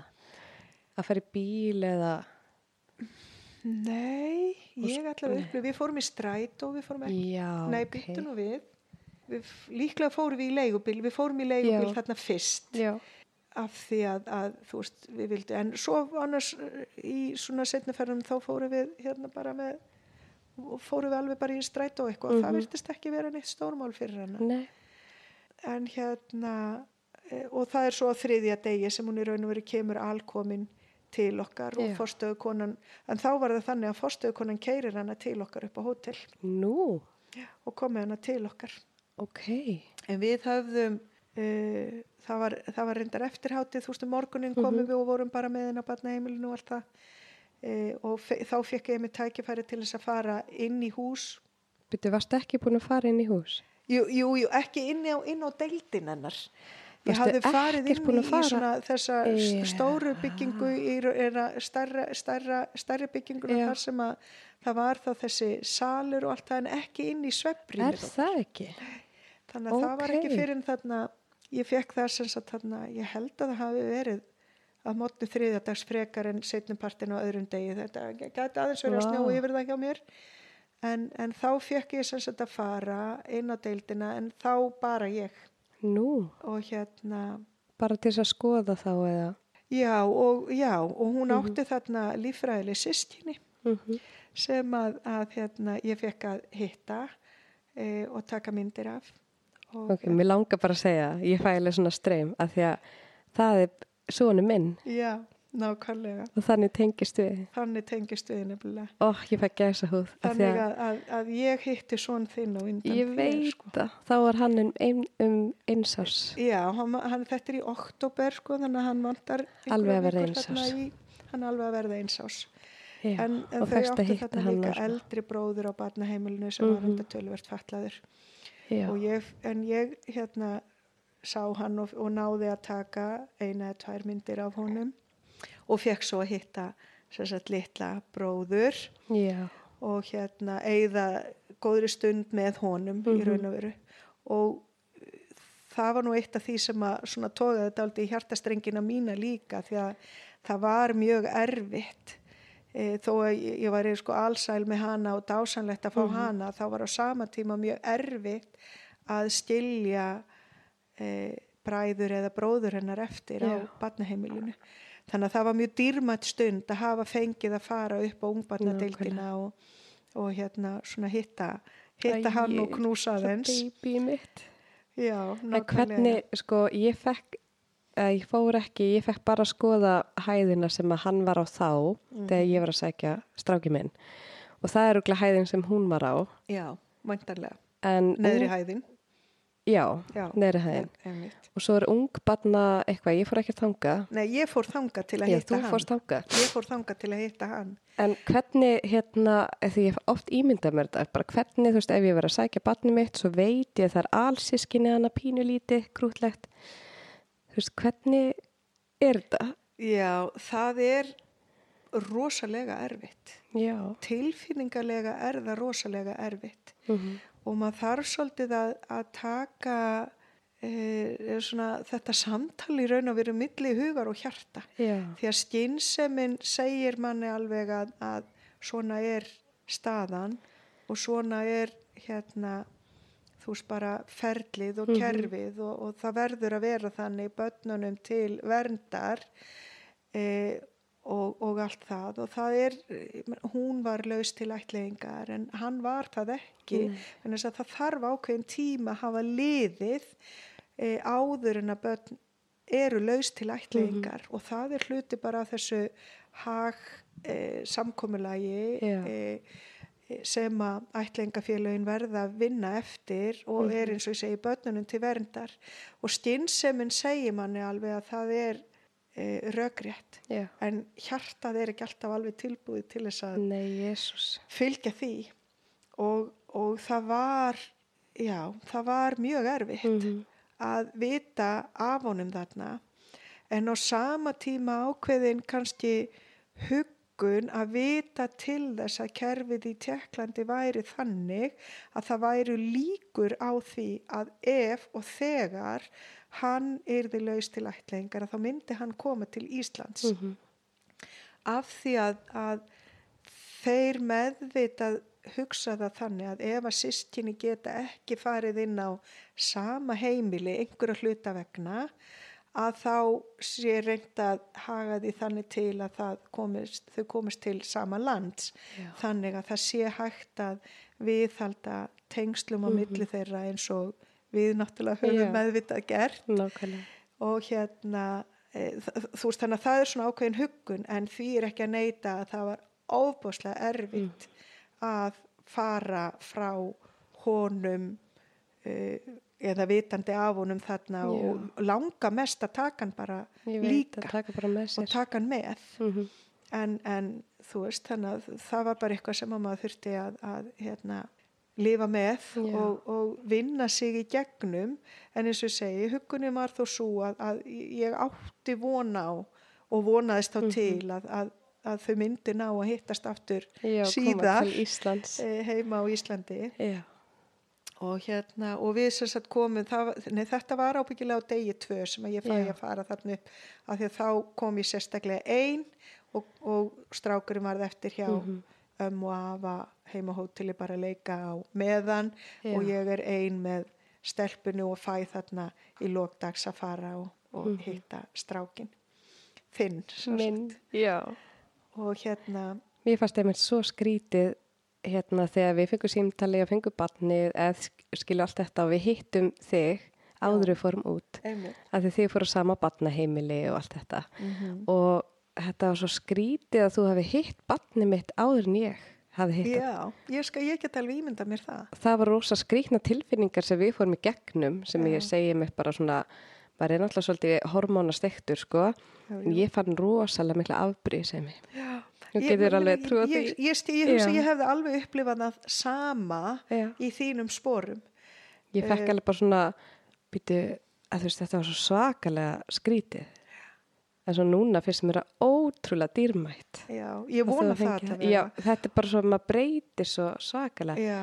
en ég, ég náttúrulega hafði þarna þá geta tekið af honum einhverja myndir og, og var á þeim tíma fyrst og fremst að hugsa þannig að hún myndi þá eiga myndir af mm Mhm. litla bróði sínum e, auðvitað eins og ég segi eigði ég þá vonum að það kæmi svo að því Mhm. að, að þau myndi tengjast aftur eða hittast aftur Einmitt. hér heima e, og, og hérna það var minna, þess vegna sem að ég Já. vildi líka deila með ykkur myndunum og öllu því sem að ég hafði tekið þó ég get, get vel ímyndað mér og ég get vel skilið það að það hefði svo- verið erfitt fyrir ykkur á sama tíma og það var kannski Þetta var gott að hafa þó Þetta voru svo hérna. dýrmæta myndir að fá Já. svona ungan litla krútt ótrúlega dýrmætt. En þetta var náttúrulega bara flókna tilfinningar. Meina, eðlilega, þetta er allt ógislega flókið. þetta, er mjög flókið nefnilega. Fólki finnst þetta mjög skrítið þegar maður er að segja þetta maður er bara svona, mér finnst þetta geðveikt. Já. núna. Já, núna er já, þetta bara geggjað.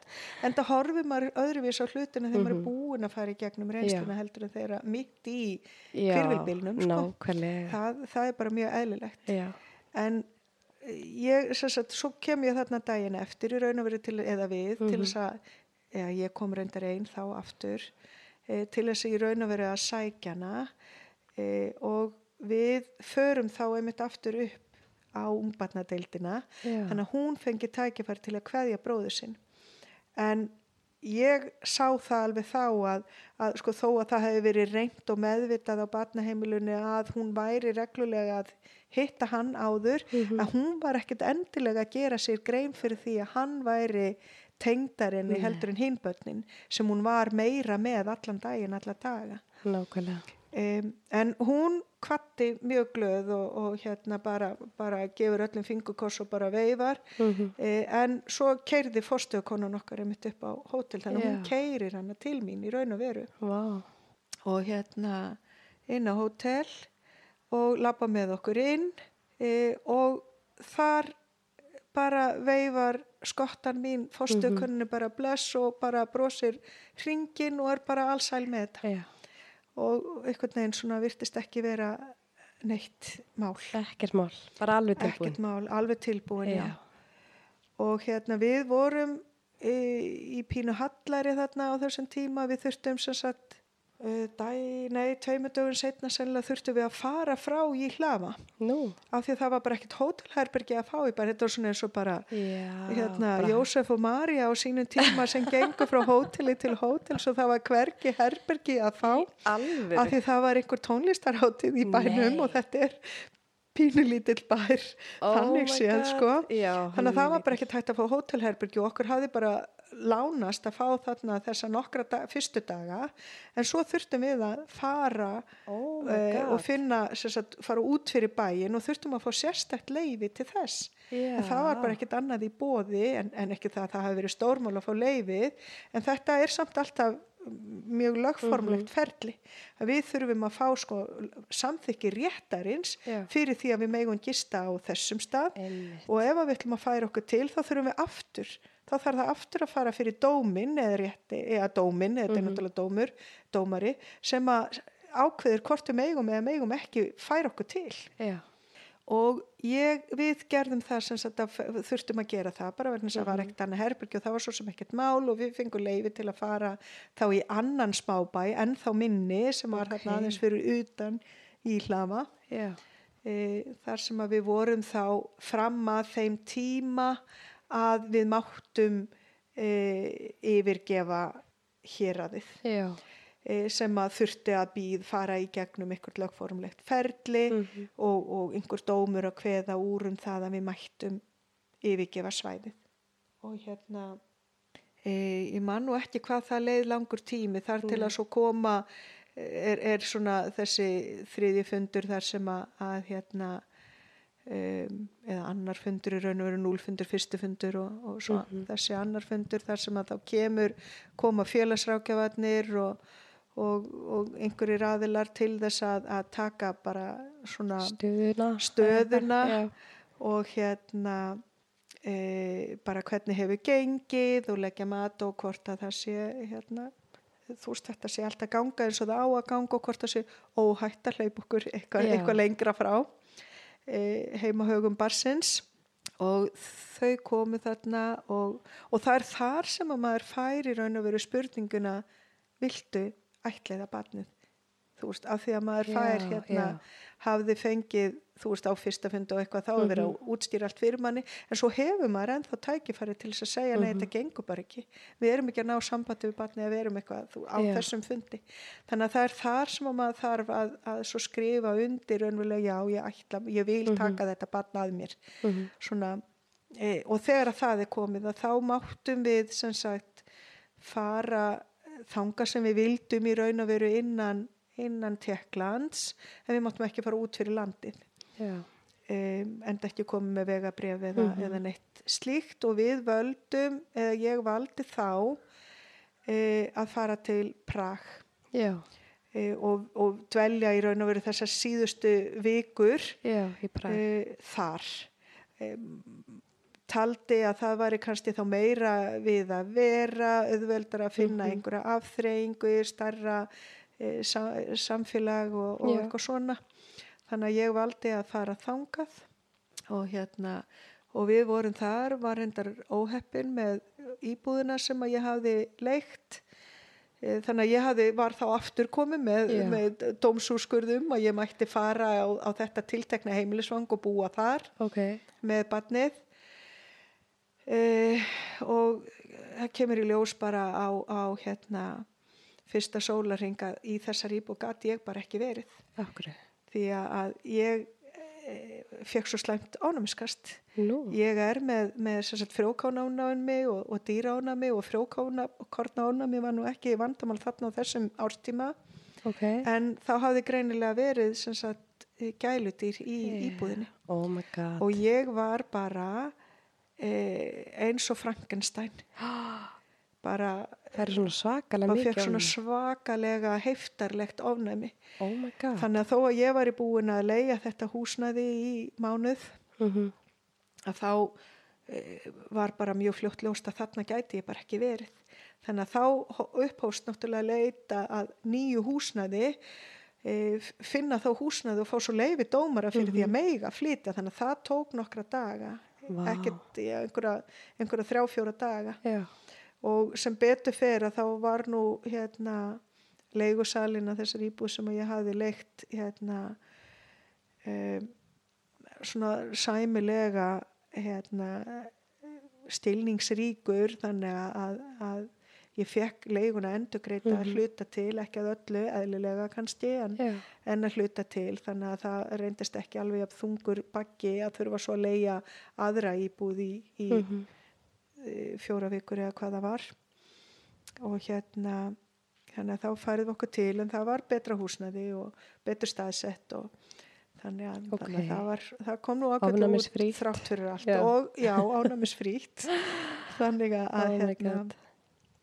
Þannig að mér, mér leið betur en það, daldið, það voru daldið erfið dagar því að þá var bara mín líkamlega e, líðan það flókin Mhm. á sama tím og ég þurfti að geta haft verið sko 120% Já. í að e, mynda tengsl við e, stelpuskottið mitt og hérna e, og að hugsa um drengin Mhm. líka sem að mátti ekki við því að, að hérna mátti bara alls ekki hunsa því að hans þarfir Já. voru náttúrulega líka mjög flóknar í þessu ferli öllu saman e, þannig að hann, hann tók alveg sínar dýfur e, líka og, og mjög erfið hegðun á, á tímabili og, Mhm. og, og allt þetta e, komin út úr sinni rútínu og, bara veginn svona ekkert alveg að þó hann væri að glæðjast yfir því að vera að fá sýstinni og allt það, þá var margt mjög stemtilegt og hann var heilt yfir bara glaður og sönglaði og lék við hana og, og allt þetta Mhm. e, að þá voru það ákveðin vombrið hjá honum líka þarna var bara alltaf komið barn og barni stildan ekki og hann Já. hafði sem hafði hlakkað svo mikið til að leika við Já. nýju sýstu sína og svo bara talaði hún bara ekki íslensku Einmitt. og það var bara dóldi skrítið fyrir hann líka Mhm. þannig að þú veist að þó að hann og örglega verið að upplifa alls konar tilfinningar við það að koma aftur inn í þetta barnaheimilis umhverfi og, Já. og, og það allt saman þannig að þetta þessi fyrstu dagar eftir við komum til Prag voru tóku svolítið á Já. af því að ég var náttúrulega bara eins og segi ekki 100% Nei, og- til heilsunar en, en sem betur fer að það voru nú ekki margir dagar e, þannig að við fórum Mhm. e, hérna í betra húsnæði en þetta er rosalega langur tími sem að mér er einhvern veginn bara að býða maður er auðvitað að reyna að búa til einhverja rútínu með barninu Mhm. en er samt ekki sínu umhverfi í sínum aðstæðum og það tekur á Já. og það er annað sem að maður þarf að vera mjög meðvitaður um þegar maður fer inn í þetta ferli að þetta, þetta er bara mjög erfitt á Mhm. köplum þó þetta sé sko svona með gleðilegustu stundum lífsins að þá er þetta líka bara fjandi erfitt. E, og tekur verulega á. Þú ert ekki þínu umhverfi, þú ert ekki með dótið þitt og þú ert með eldra sýstinni sem er ekki í sinni rútínu. E, þú þarft að reyna að sinna e, heimanámi eða skólanámi barsi, þess bars á samantum úr að mynda tengst við hittbarnið í einhvern veginn e, aðstæðum þar sem þú lifir ofan í ferðartösku eiginlega bara gestkomandi einhver staðar. E, og þetta og þekkir umhverfið Mhm. takmarkað og Og svo og ert svolítið að leita og, og tilfinningarúsibannin og allt þetta. Þannig að þetta er e, getur verið bara mjög erfitt. Já. en á sama tíma náttúrulega margar sko dásamlegar minningar að sjálfsögðu líka. En hvernig höndla er þetta? Ég er bara svona, ert ekki stundum hissa bara hvernig anskotanum komst ég gegnum þetta? Jú, stundum er ég það vissulega. E, ég náttúrulega þekki sjálfa mér rosalega vel og veit alveg hvað ég er fær um Mm e, á miklu leiti og þess vegna kannski bara hérna ef ma- ef ma- ef maður kannski ekki endilega hissa en á sama tíma er maður, jú þetta var bara tók bara rosalega á og, og var bara, já, einmitt, oft mjög erfitt. E, þannig að bara hvernig fór ég að þessu? Eh, kemur vissulega stundum upp í, upp í hugan en ég held að, að, að sko maður fer alveg inn í þetta með opin augun -hmm. og maður veit að þetta verður erfitt. Maður veit að þetta kemur til með að taka á. Þannig einhvern veginn bara eh, kemst maður yfir það. Já. en sumi dagar voru bara mjög erfiðir og stundu var þráðurum bara mjög stuttur Mhm. bæði gagvart hérna e, bróður, e, eldra barninu sem að þú Já. þurfti að taka út sínar tilfinningar e, þannig að þar gerði maður alveg mistök en líka svona kannski bara kakvart fóreldru mínu sem að þó voru þarna bara til að styðja mig og, Já. og létta undir með mér og gerði það sko óspart og alltaf tilbúin að gera bara hvað sem ég reytti í þau með að, að gera. Þegar að, að sá gállin, gállin var á en ég held nú svona heilt yfir að þá er þetta nú bara gengið merkilega vel e, þrátt fyrir allt. Er það ekki eðlilegt líka bara þú veist ef ykkur að fara út og með fjölskyldumæli með sér þú veist, ekki taka þessu persónlega nei, nei, á nákvæmlega að maður segja kvæsa eða reyta eða þú veist, Nei, vera nei, bara, þú veist, akkúrat. að því maður er í rugglinu tilfinningalega já, já. og heila starfsemi bara í ykkur móki maður er bara í survival maður er bara að reyna að er lifa algjörlega þannig, já, já, algjörlega þannig. Mm og hérna erfitt að koma sér upp ykkur almennilegri rútínu Já. af því að maður er ekki sínu umhverfi og svona. Nákvæmlega. Og, og þó að maður væri pyrraður stundum að þá var alveg fullu stilningur á því Já. allstaðar um, ég reyndar hérna og eins og segi við áttum mjög góða, góðar vikur hérna í, í Prag Mhm. og sérstaklega framan af á meðan maður var svona bara mikið að, að skoða og leifa sér að fara í langa göngutúra og finna Já. nýja leikvelli og, og allavega Mhm. e, það var reyndar ekki við vorum þarna svona síðla haust þannig að það er farið að kólna og, og þú veist það komi, komin aðvenda þegar við komum heim Já. þannig að við, við erum hérna úti e, 20. oktober sem sagt að þá þá hérna hittum við eða fá, fæ ég stelpun í fangi fyrst og við erum að koma heim 29. november Já. þannig að þetta eru alveg sex vikur Já. sem að við vorum úti og hérna uh, þannig að það leið þessi langi tími og má eiginlega segja síðustu tvær vikurnar er maður bara sko nánast hérna bara, þú veist, er ekki einhverja fréttir? Hvenar hérna, uh, engin þróun eitthvað og, og, og svona að reyna að hlera hjá lögfræðingunum á Mhm. ætlengaskrifstofun í Brunó e, og einhvern veginn aldrei neina fréttir og ekkert að gerast og, og allt þetta sko. og líka enginn að fylgjast með manni. Þú veist, það er enginn að pæla í þú veist, voða ykkur hluti. lítið nefnilega. Um, það var ég held við höfum tvisar fengið svona tölvupost eða fyrirspurning hvernig gengur. Einu sinni frá, frá, frá sálfræðingnum. Já, íslenska ætleika nei ekki frá íslenskar ætlingu nei, já, frá hinu. já, frá, frá ætlingaskrifstofunni í, í uh, Brunó og þau tjekka á því þau, einu sinni fekk ég tölvupost frá sálfræðingnum sem að svona spurði bara hvernig gengi. Uh, og einu sinni held ég frá lögfræðingnum. Ok og svo þetta hafði ég þurft að vera í samskiptum þegar við þurftum þarna að, já, að, að skipta um hús. húsnæði og, og allt þetta. Þannig að, en svo var það eiginlega meira þannig að ég sendi fyrir spurnalög, er einhverja fréttir, er eitthvað að gerast? Er þeim einhverjar ein, einhverja tilfinningu Mhm. fyrir því hvenar okkur væri óhætt að, að ég líka bara upp á að geta fengið að vita hvenar maður bóka flug heim? Því að, að þarna náttúrulega var ekkert hlaupið að því að, að maður fengi flug á einhverju hagstæðu verði eða ásættanlegu verði með svona stuttum fyrirvara Einmitt. þannig að það ég, ég viðurkenni það alveg að ég var svolítið farin að svona tvístiga og býða eftir því að komast heim þarna setni, Já. seinustu e, vikuna eða tvær eitthvað, eitthvað, eitthvað svo leiðis og líka kannski vegna þess að þar var sko strákurinn farin að finna mjög fyrir því að, að vera bara svona langan tíma utan rútínunar sinnar og hann vildi fara að komast heim og hitta félagana og, og allt þetta. Þannig að það var, það, það var svona margt farið að þingjast en, en þetta hafðist allt á endanum og við náðum svo sem að sjá aðeins inn í jóla eða aðvendu stemminguna Já. í Prag um, þegar að, að hérna, við svo loksins fengum að vita að nú hérna væri að e, að hylla í að, að, að það væri hægt að fara fyrir dómin að þá þurfti ég sem sagt að fara frá Prag til e, Brno með stelpuna og stildi strákin eftir hjá mömmu og pappa ég man nú ekki hvort að pappi var farin þá eða hvort það var já, pappi var nú líklega farin Eh, en já, pappi, já, þannig að það stildi hann eftir hjá mömmu bara inn í Prag og við förum aðgurnar í lestinni til Brno já, sem að hérna eh, sem að gegnum bara vel að komast hangað og, og við förum í, í, í fyrir dómara, hittum dómaran og, og, og hérna skrifum þar undir og, og fáum pappirana og vegabriðinar og allt þetta. Mhm, e, og megun svo fara heim einhverjum tveimur, þreimur dögum síðar. Já, og hérna e, það gekk allt saman ljómandi vel og ég náttúrulega hafi verið búin að kaupa e, lestarmiða fram og tilbaka af því þetta við erum bara að fara fram og tilbaka samdægus á sama degi.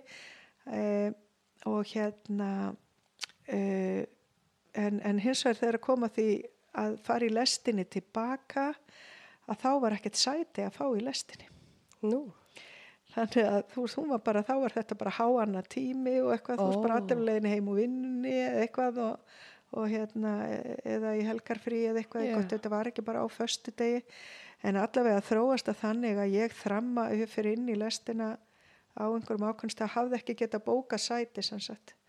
E, það var bara ekki bóði þessari lest og fyrir inn í lestina á einu stað og þramma svo í gegnum alla lestina endi langa og hvergi finn ég sæti. ok. Þannig að ég enda á að setjast á hérna í, í svona þetta, eh, þessi litlu rými sem eru við hérna eh, hurðirnar á milli lestarvagna að setjast þar bara á gólfi með stelpuna í fanginu. Já, í lestinni á leiðinni tilbaka Oh og hérna og hún náttúrulega svona mis sátt við það. En, en hérna uh, bara uh, þú, og, ég- og ég þreytt og taugatrekt og komið spenna alveg bara svona loksins eitthvað að gerast ég ætla að komast heim, ég bara komast heim og hitta e, strákinn og mömmu og geta farið þá að bóka flug heim og, og allt þetta. Nákvæmlega. og hérna uh, þannig að, að þú veist það var svona tilfinningar í, í svona ákveðni, ákveðni sveiflu þannig að ég var pínu pyrruð út í tjekkana þarna því að ég var búin að reyna að spyrja hvar ég gæti sest og eitthvað og alltaf Já. einhvern veginn vísa bara eh, ekkert og enginn sem var einhvern veginn að hjálpa manni eða, eða aðstóða með þetta. En ég er búin að sita þarna góða stund bara í háfaðanum hérna fram á ganginu Já. með barnið í fanginu einhvern veginn þegar að það lappa nú fram á einhver hérna lestarvörður eða starfsmöður sem að hérna sér auðmur á okkur og vísar okkur þarna inn í einhverja, einhverja fjölskyldu klefa sem að voru svona sett leik, lokaðir klefar já, þar sem að við þá máttum sitja en, en, en fyrr hafði mér verið sagt að, að ég, við mættum Já. ekki fara þar inn sko. Þannig að en, en hún hleyft okkur þar inn þannig Ok. að þá náði nú stelpan að sopna bara á bekknum í hlýðna nice. þannig, að- þetta var auðveldara sko. en þetta var langur dagur Já. ég var náttúrulega þú veist, fer að mótni til þess að fa fara inn til, inn til Brunó Mhm. og fyrir dómun og þetta tók allt saman sinn tíma og svo þurftum við að taka lestina tilbaka setnipartin og hún að missa lúrnum sínum já. og, og þú veist þannig að þetta var ekkit, ekkit ólega auðvelt sko. Nei, en, en þetta var svona ákveð æfintýri og Oh my ákveð minning God. í öllu Já. þessu ferli þannig að það er svona eitt og annað sem að getur alveg komið upp Já. á í, í þessu öllu Mhm. saman en, en það var mikil gleði að geta bókað svo flug heim e, og bara sjá fram á að nú getur við farið að byggja upp okkar líf Já. saman þrjú e, á okkar heimili og, og allt þetta nákvæmlega. og hérna við, ég valdi að, að bóka þá sem sagt, leigubíl í raun og veru e, með bílstjóra. Mm e, að því ég hafði bóka beint flug að þessu sinni heim frá München. Og hérna þannig að við tókum bíl yfir á flugvöllin í München bara eldsnama morgunin e, og flugum svo þaðan bara í einni vél Já. sem að var ágætt því að, að, að það gekk ekki alveg jafn vel og í fyrri flugferðinni hún ekki alveg kannski svona sami ferðalangurinn og hann virðist vera í hjarta sín og bara líða vel -hmm. e, á, á ferðalögum að hún var svolítið smeg í flugtaki og lendingu og, og hérna já, aðeins eh, fann fyrir þessu. En, en svona, svona meginleggina meðan við vorum, þegar við vorum komin í loftið og, og flugið svona bara tiltur rólegt og mjúkta þá eh, var það allt í lagi Já. gekk, gekk allt, í, allt í lagi og hún meiri segja náði eitthvað að, að dorma já, og hérna og og, og svona þannig að það gekk alveg bara þokkalega Mhm. þeir upp á staðið en, en, en þú veist við með mikið farangur og, og Já. hérna tvö börn og, og búin að vera út í sex vikur og, og hafði náttúrulega þurft að vera með allt það sem að þarf í, Mhm. í slíkt og, og, og hún fekk náttúrulega með sér eitt og annað frá batnaheimilinu og meira heldur en hann hafði fengið til dæmi sko, ok. af, af svona leikfengum og munum og einhverju slíku það var Já. eiginlega ekkert sem að kom með honum Mm. um, en, en aðeins sem að hún fekk með sér þannig að þetta var alveg þetta var alveg hérna, ferðalag Já. þannig að það var gott að þurfa bara sem minnst að geta, þú veist, það var bara dótið inn í bílinn og úr bílnum og beintinn og bara færiband og svo er það bara í flugvilnum að það er ekki að hafa áhyggjur að því fyrir maður bara komin Nákvæmlega. Þannig að það var, það var ákveðin kostur að fara svona einfaldari leið Já, eh, í heim. fluginu, já. já, í fluginu. Og svo kom ég bara heim í nýja íbúð og Já, svo komum við bara heim í nýja íbúð og, og kassa upp um alla, kassastæður upp um alla, alla veggi og, og hérna bara aðvendan e, komin já, á stað, einmitt. bara jóla undirbúningurinn Já, þannig séð sko.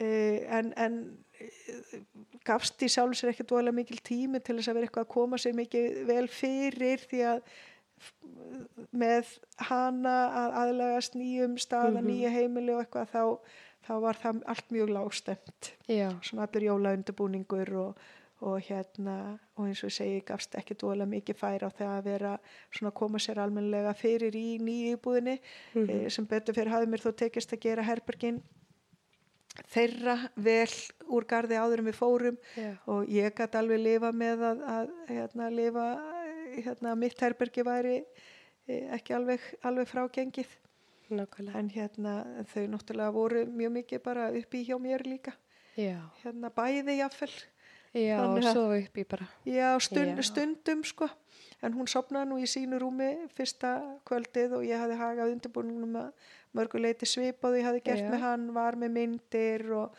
og hérna búin að síninni myndir af fólkinu og, og hérna og herberginu íbúðinu og svona Einmitt. en við komum þarna heim og e, bara í íslenskan vetur Einmitt. með miklu fannfergi þannig að hún fekk þar að upplifa bara alveg nýtt Já, í raun og veru bara. Fyrsta veturinn sinna á Íslandi bara ábyggilega aldrei upplifa annað en eins snjó. Nei, sérstaklega vindin líka. og vindin já. Þannig að, að það var hún fekk, hún fekk alveg íslenskan vetur í, í Mhm. æð bara við, við komuna.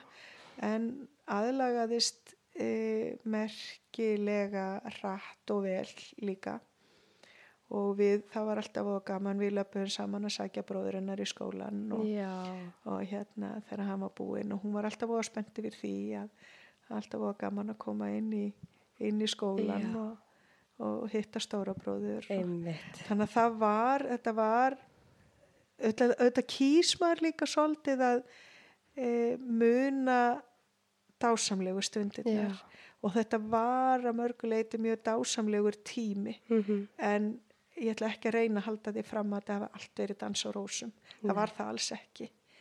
E, en, en þú veist þau eru yndisleg bæði tvö og ég er óöndanlega þakklátt fyrir að hafa fengið þessa gullmúla í, Mhm. í, inn í líf mitt og hafa fengið bara að vera mamma þeirra. Já, e, ég verð endalaust þakklátt fyrir það.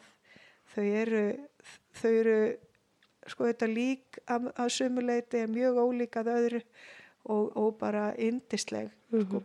bæði tvö og hérna ég bara já, ég bara já. þetta er, þetta er lukka lífsmýns í raun og veru bara að hafa fengið þessi Mm. tvö börn í fangið en það held ég að, að það sé alveg réttnefni þegar við, við segjum hérna ha- happa þrennan og við tölum um okkur Já. sem slíka sko. Mér finnst það svo ótrúlega fallegt við nefni sko.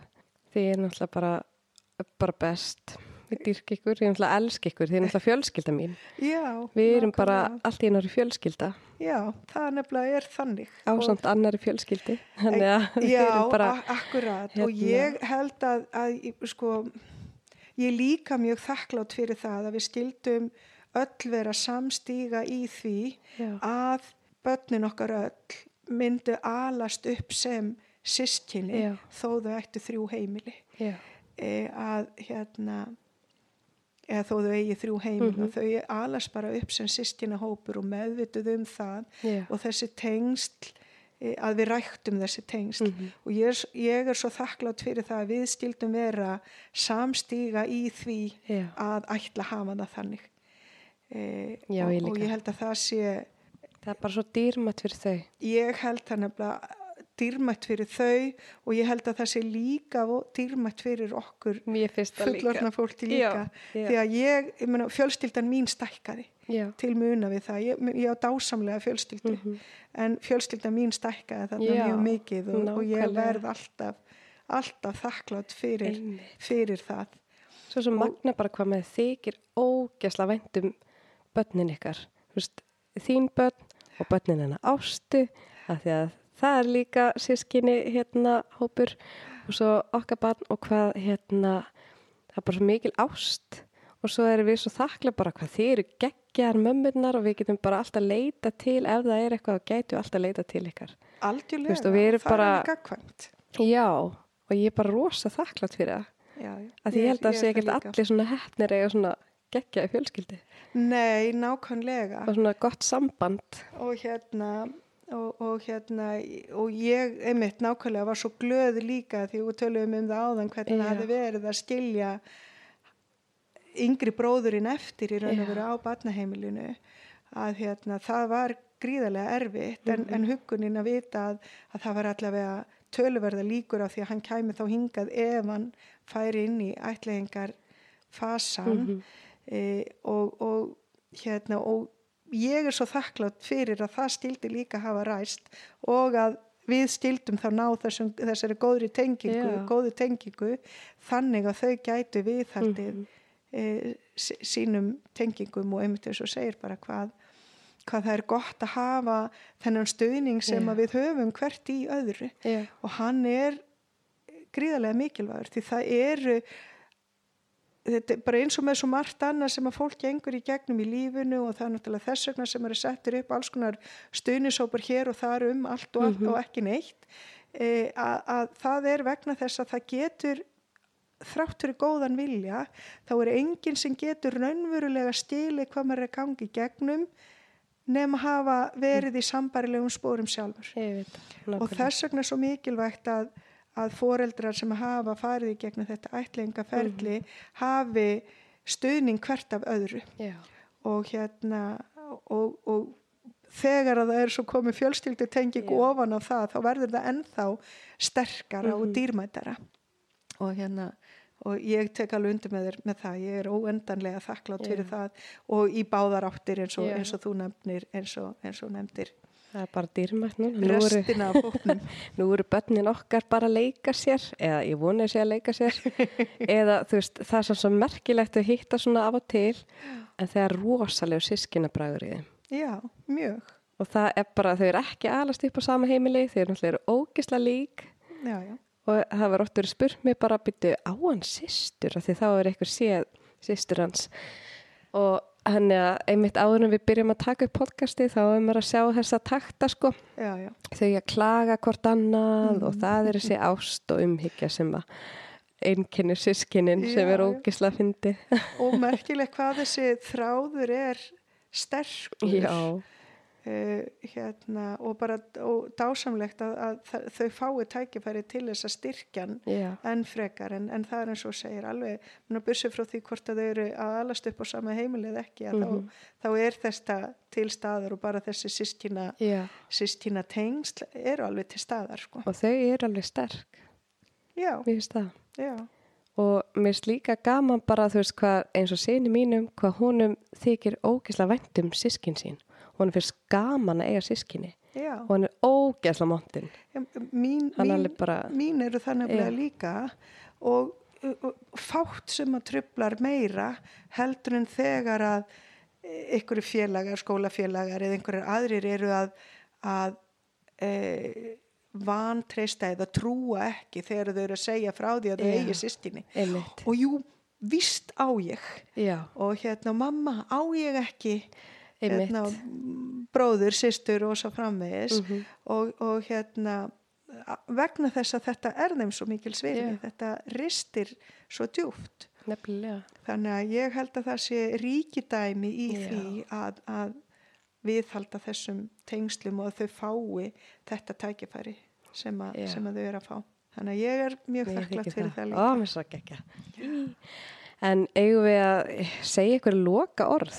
En hérna já, ég er bara bara þakklátt fyrir, endalist þakklátt fyrir börnum mín og ég er endalist þakklátt fyrir e, fólkið sem að, hérna, hefur stutt mig í þessu öllu saman og fyrir tengslinn sem að ég hef náða mynda við fólkið í kringum okkur og ykkur öll. E, og, og bara heimurinn er, er eða minn heimur allavega er, er starri og, og, og ríkari fyrir Já. vikið sko. En loka spurning, var þetta eins og bjóst við?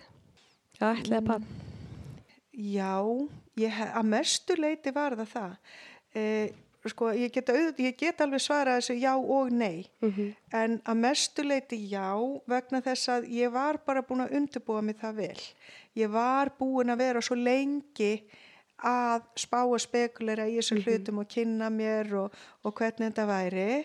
E, nei, kannski að þýleitinu til að ég átti vona og að þar með myndi ég vera fullkomnari heldur en ég er. E, eða þar að segja ég myndi gera færri mistök heldur, en, heldur en ég kannski hef gert í ferlinu. Og nú er ég ekki að meina að þau hafi endilega verið eitthvað geggjaslega mörg en, en ég, ég svona hef stundu komið sjálfur mér á óvar hvað, hvað hérna þólimaðin hefur verið stutt vegna þess að ég hef, ég hef það orð á mér að vera mjög þólimóð mannestja þannig að þýletunni til kannski nei, það, það, það var ekki nákvæmlega eins og ég átti vona á.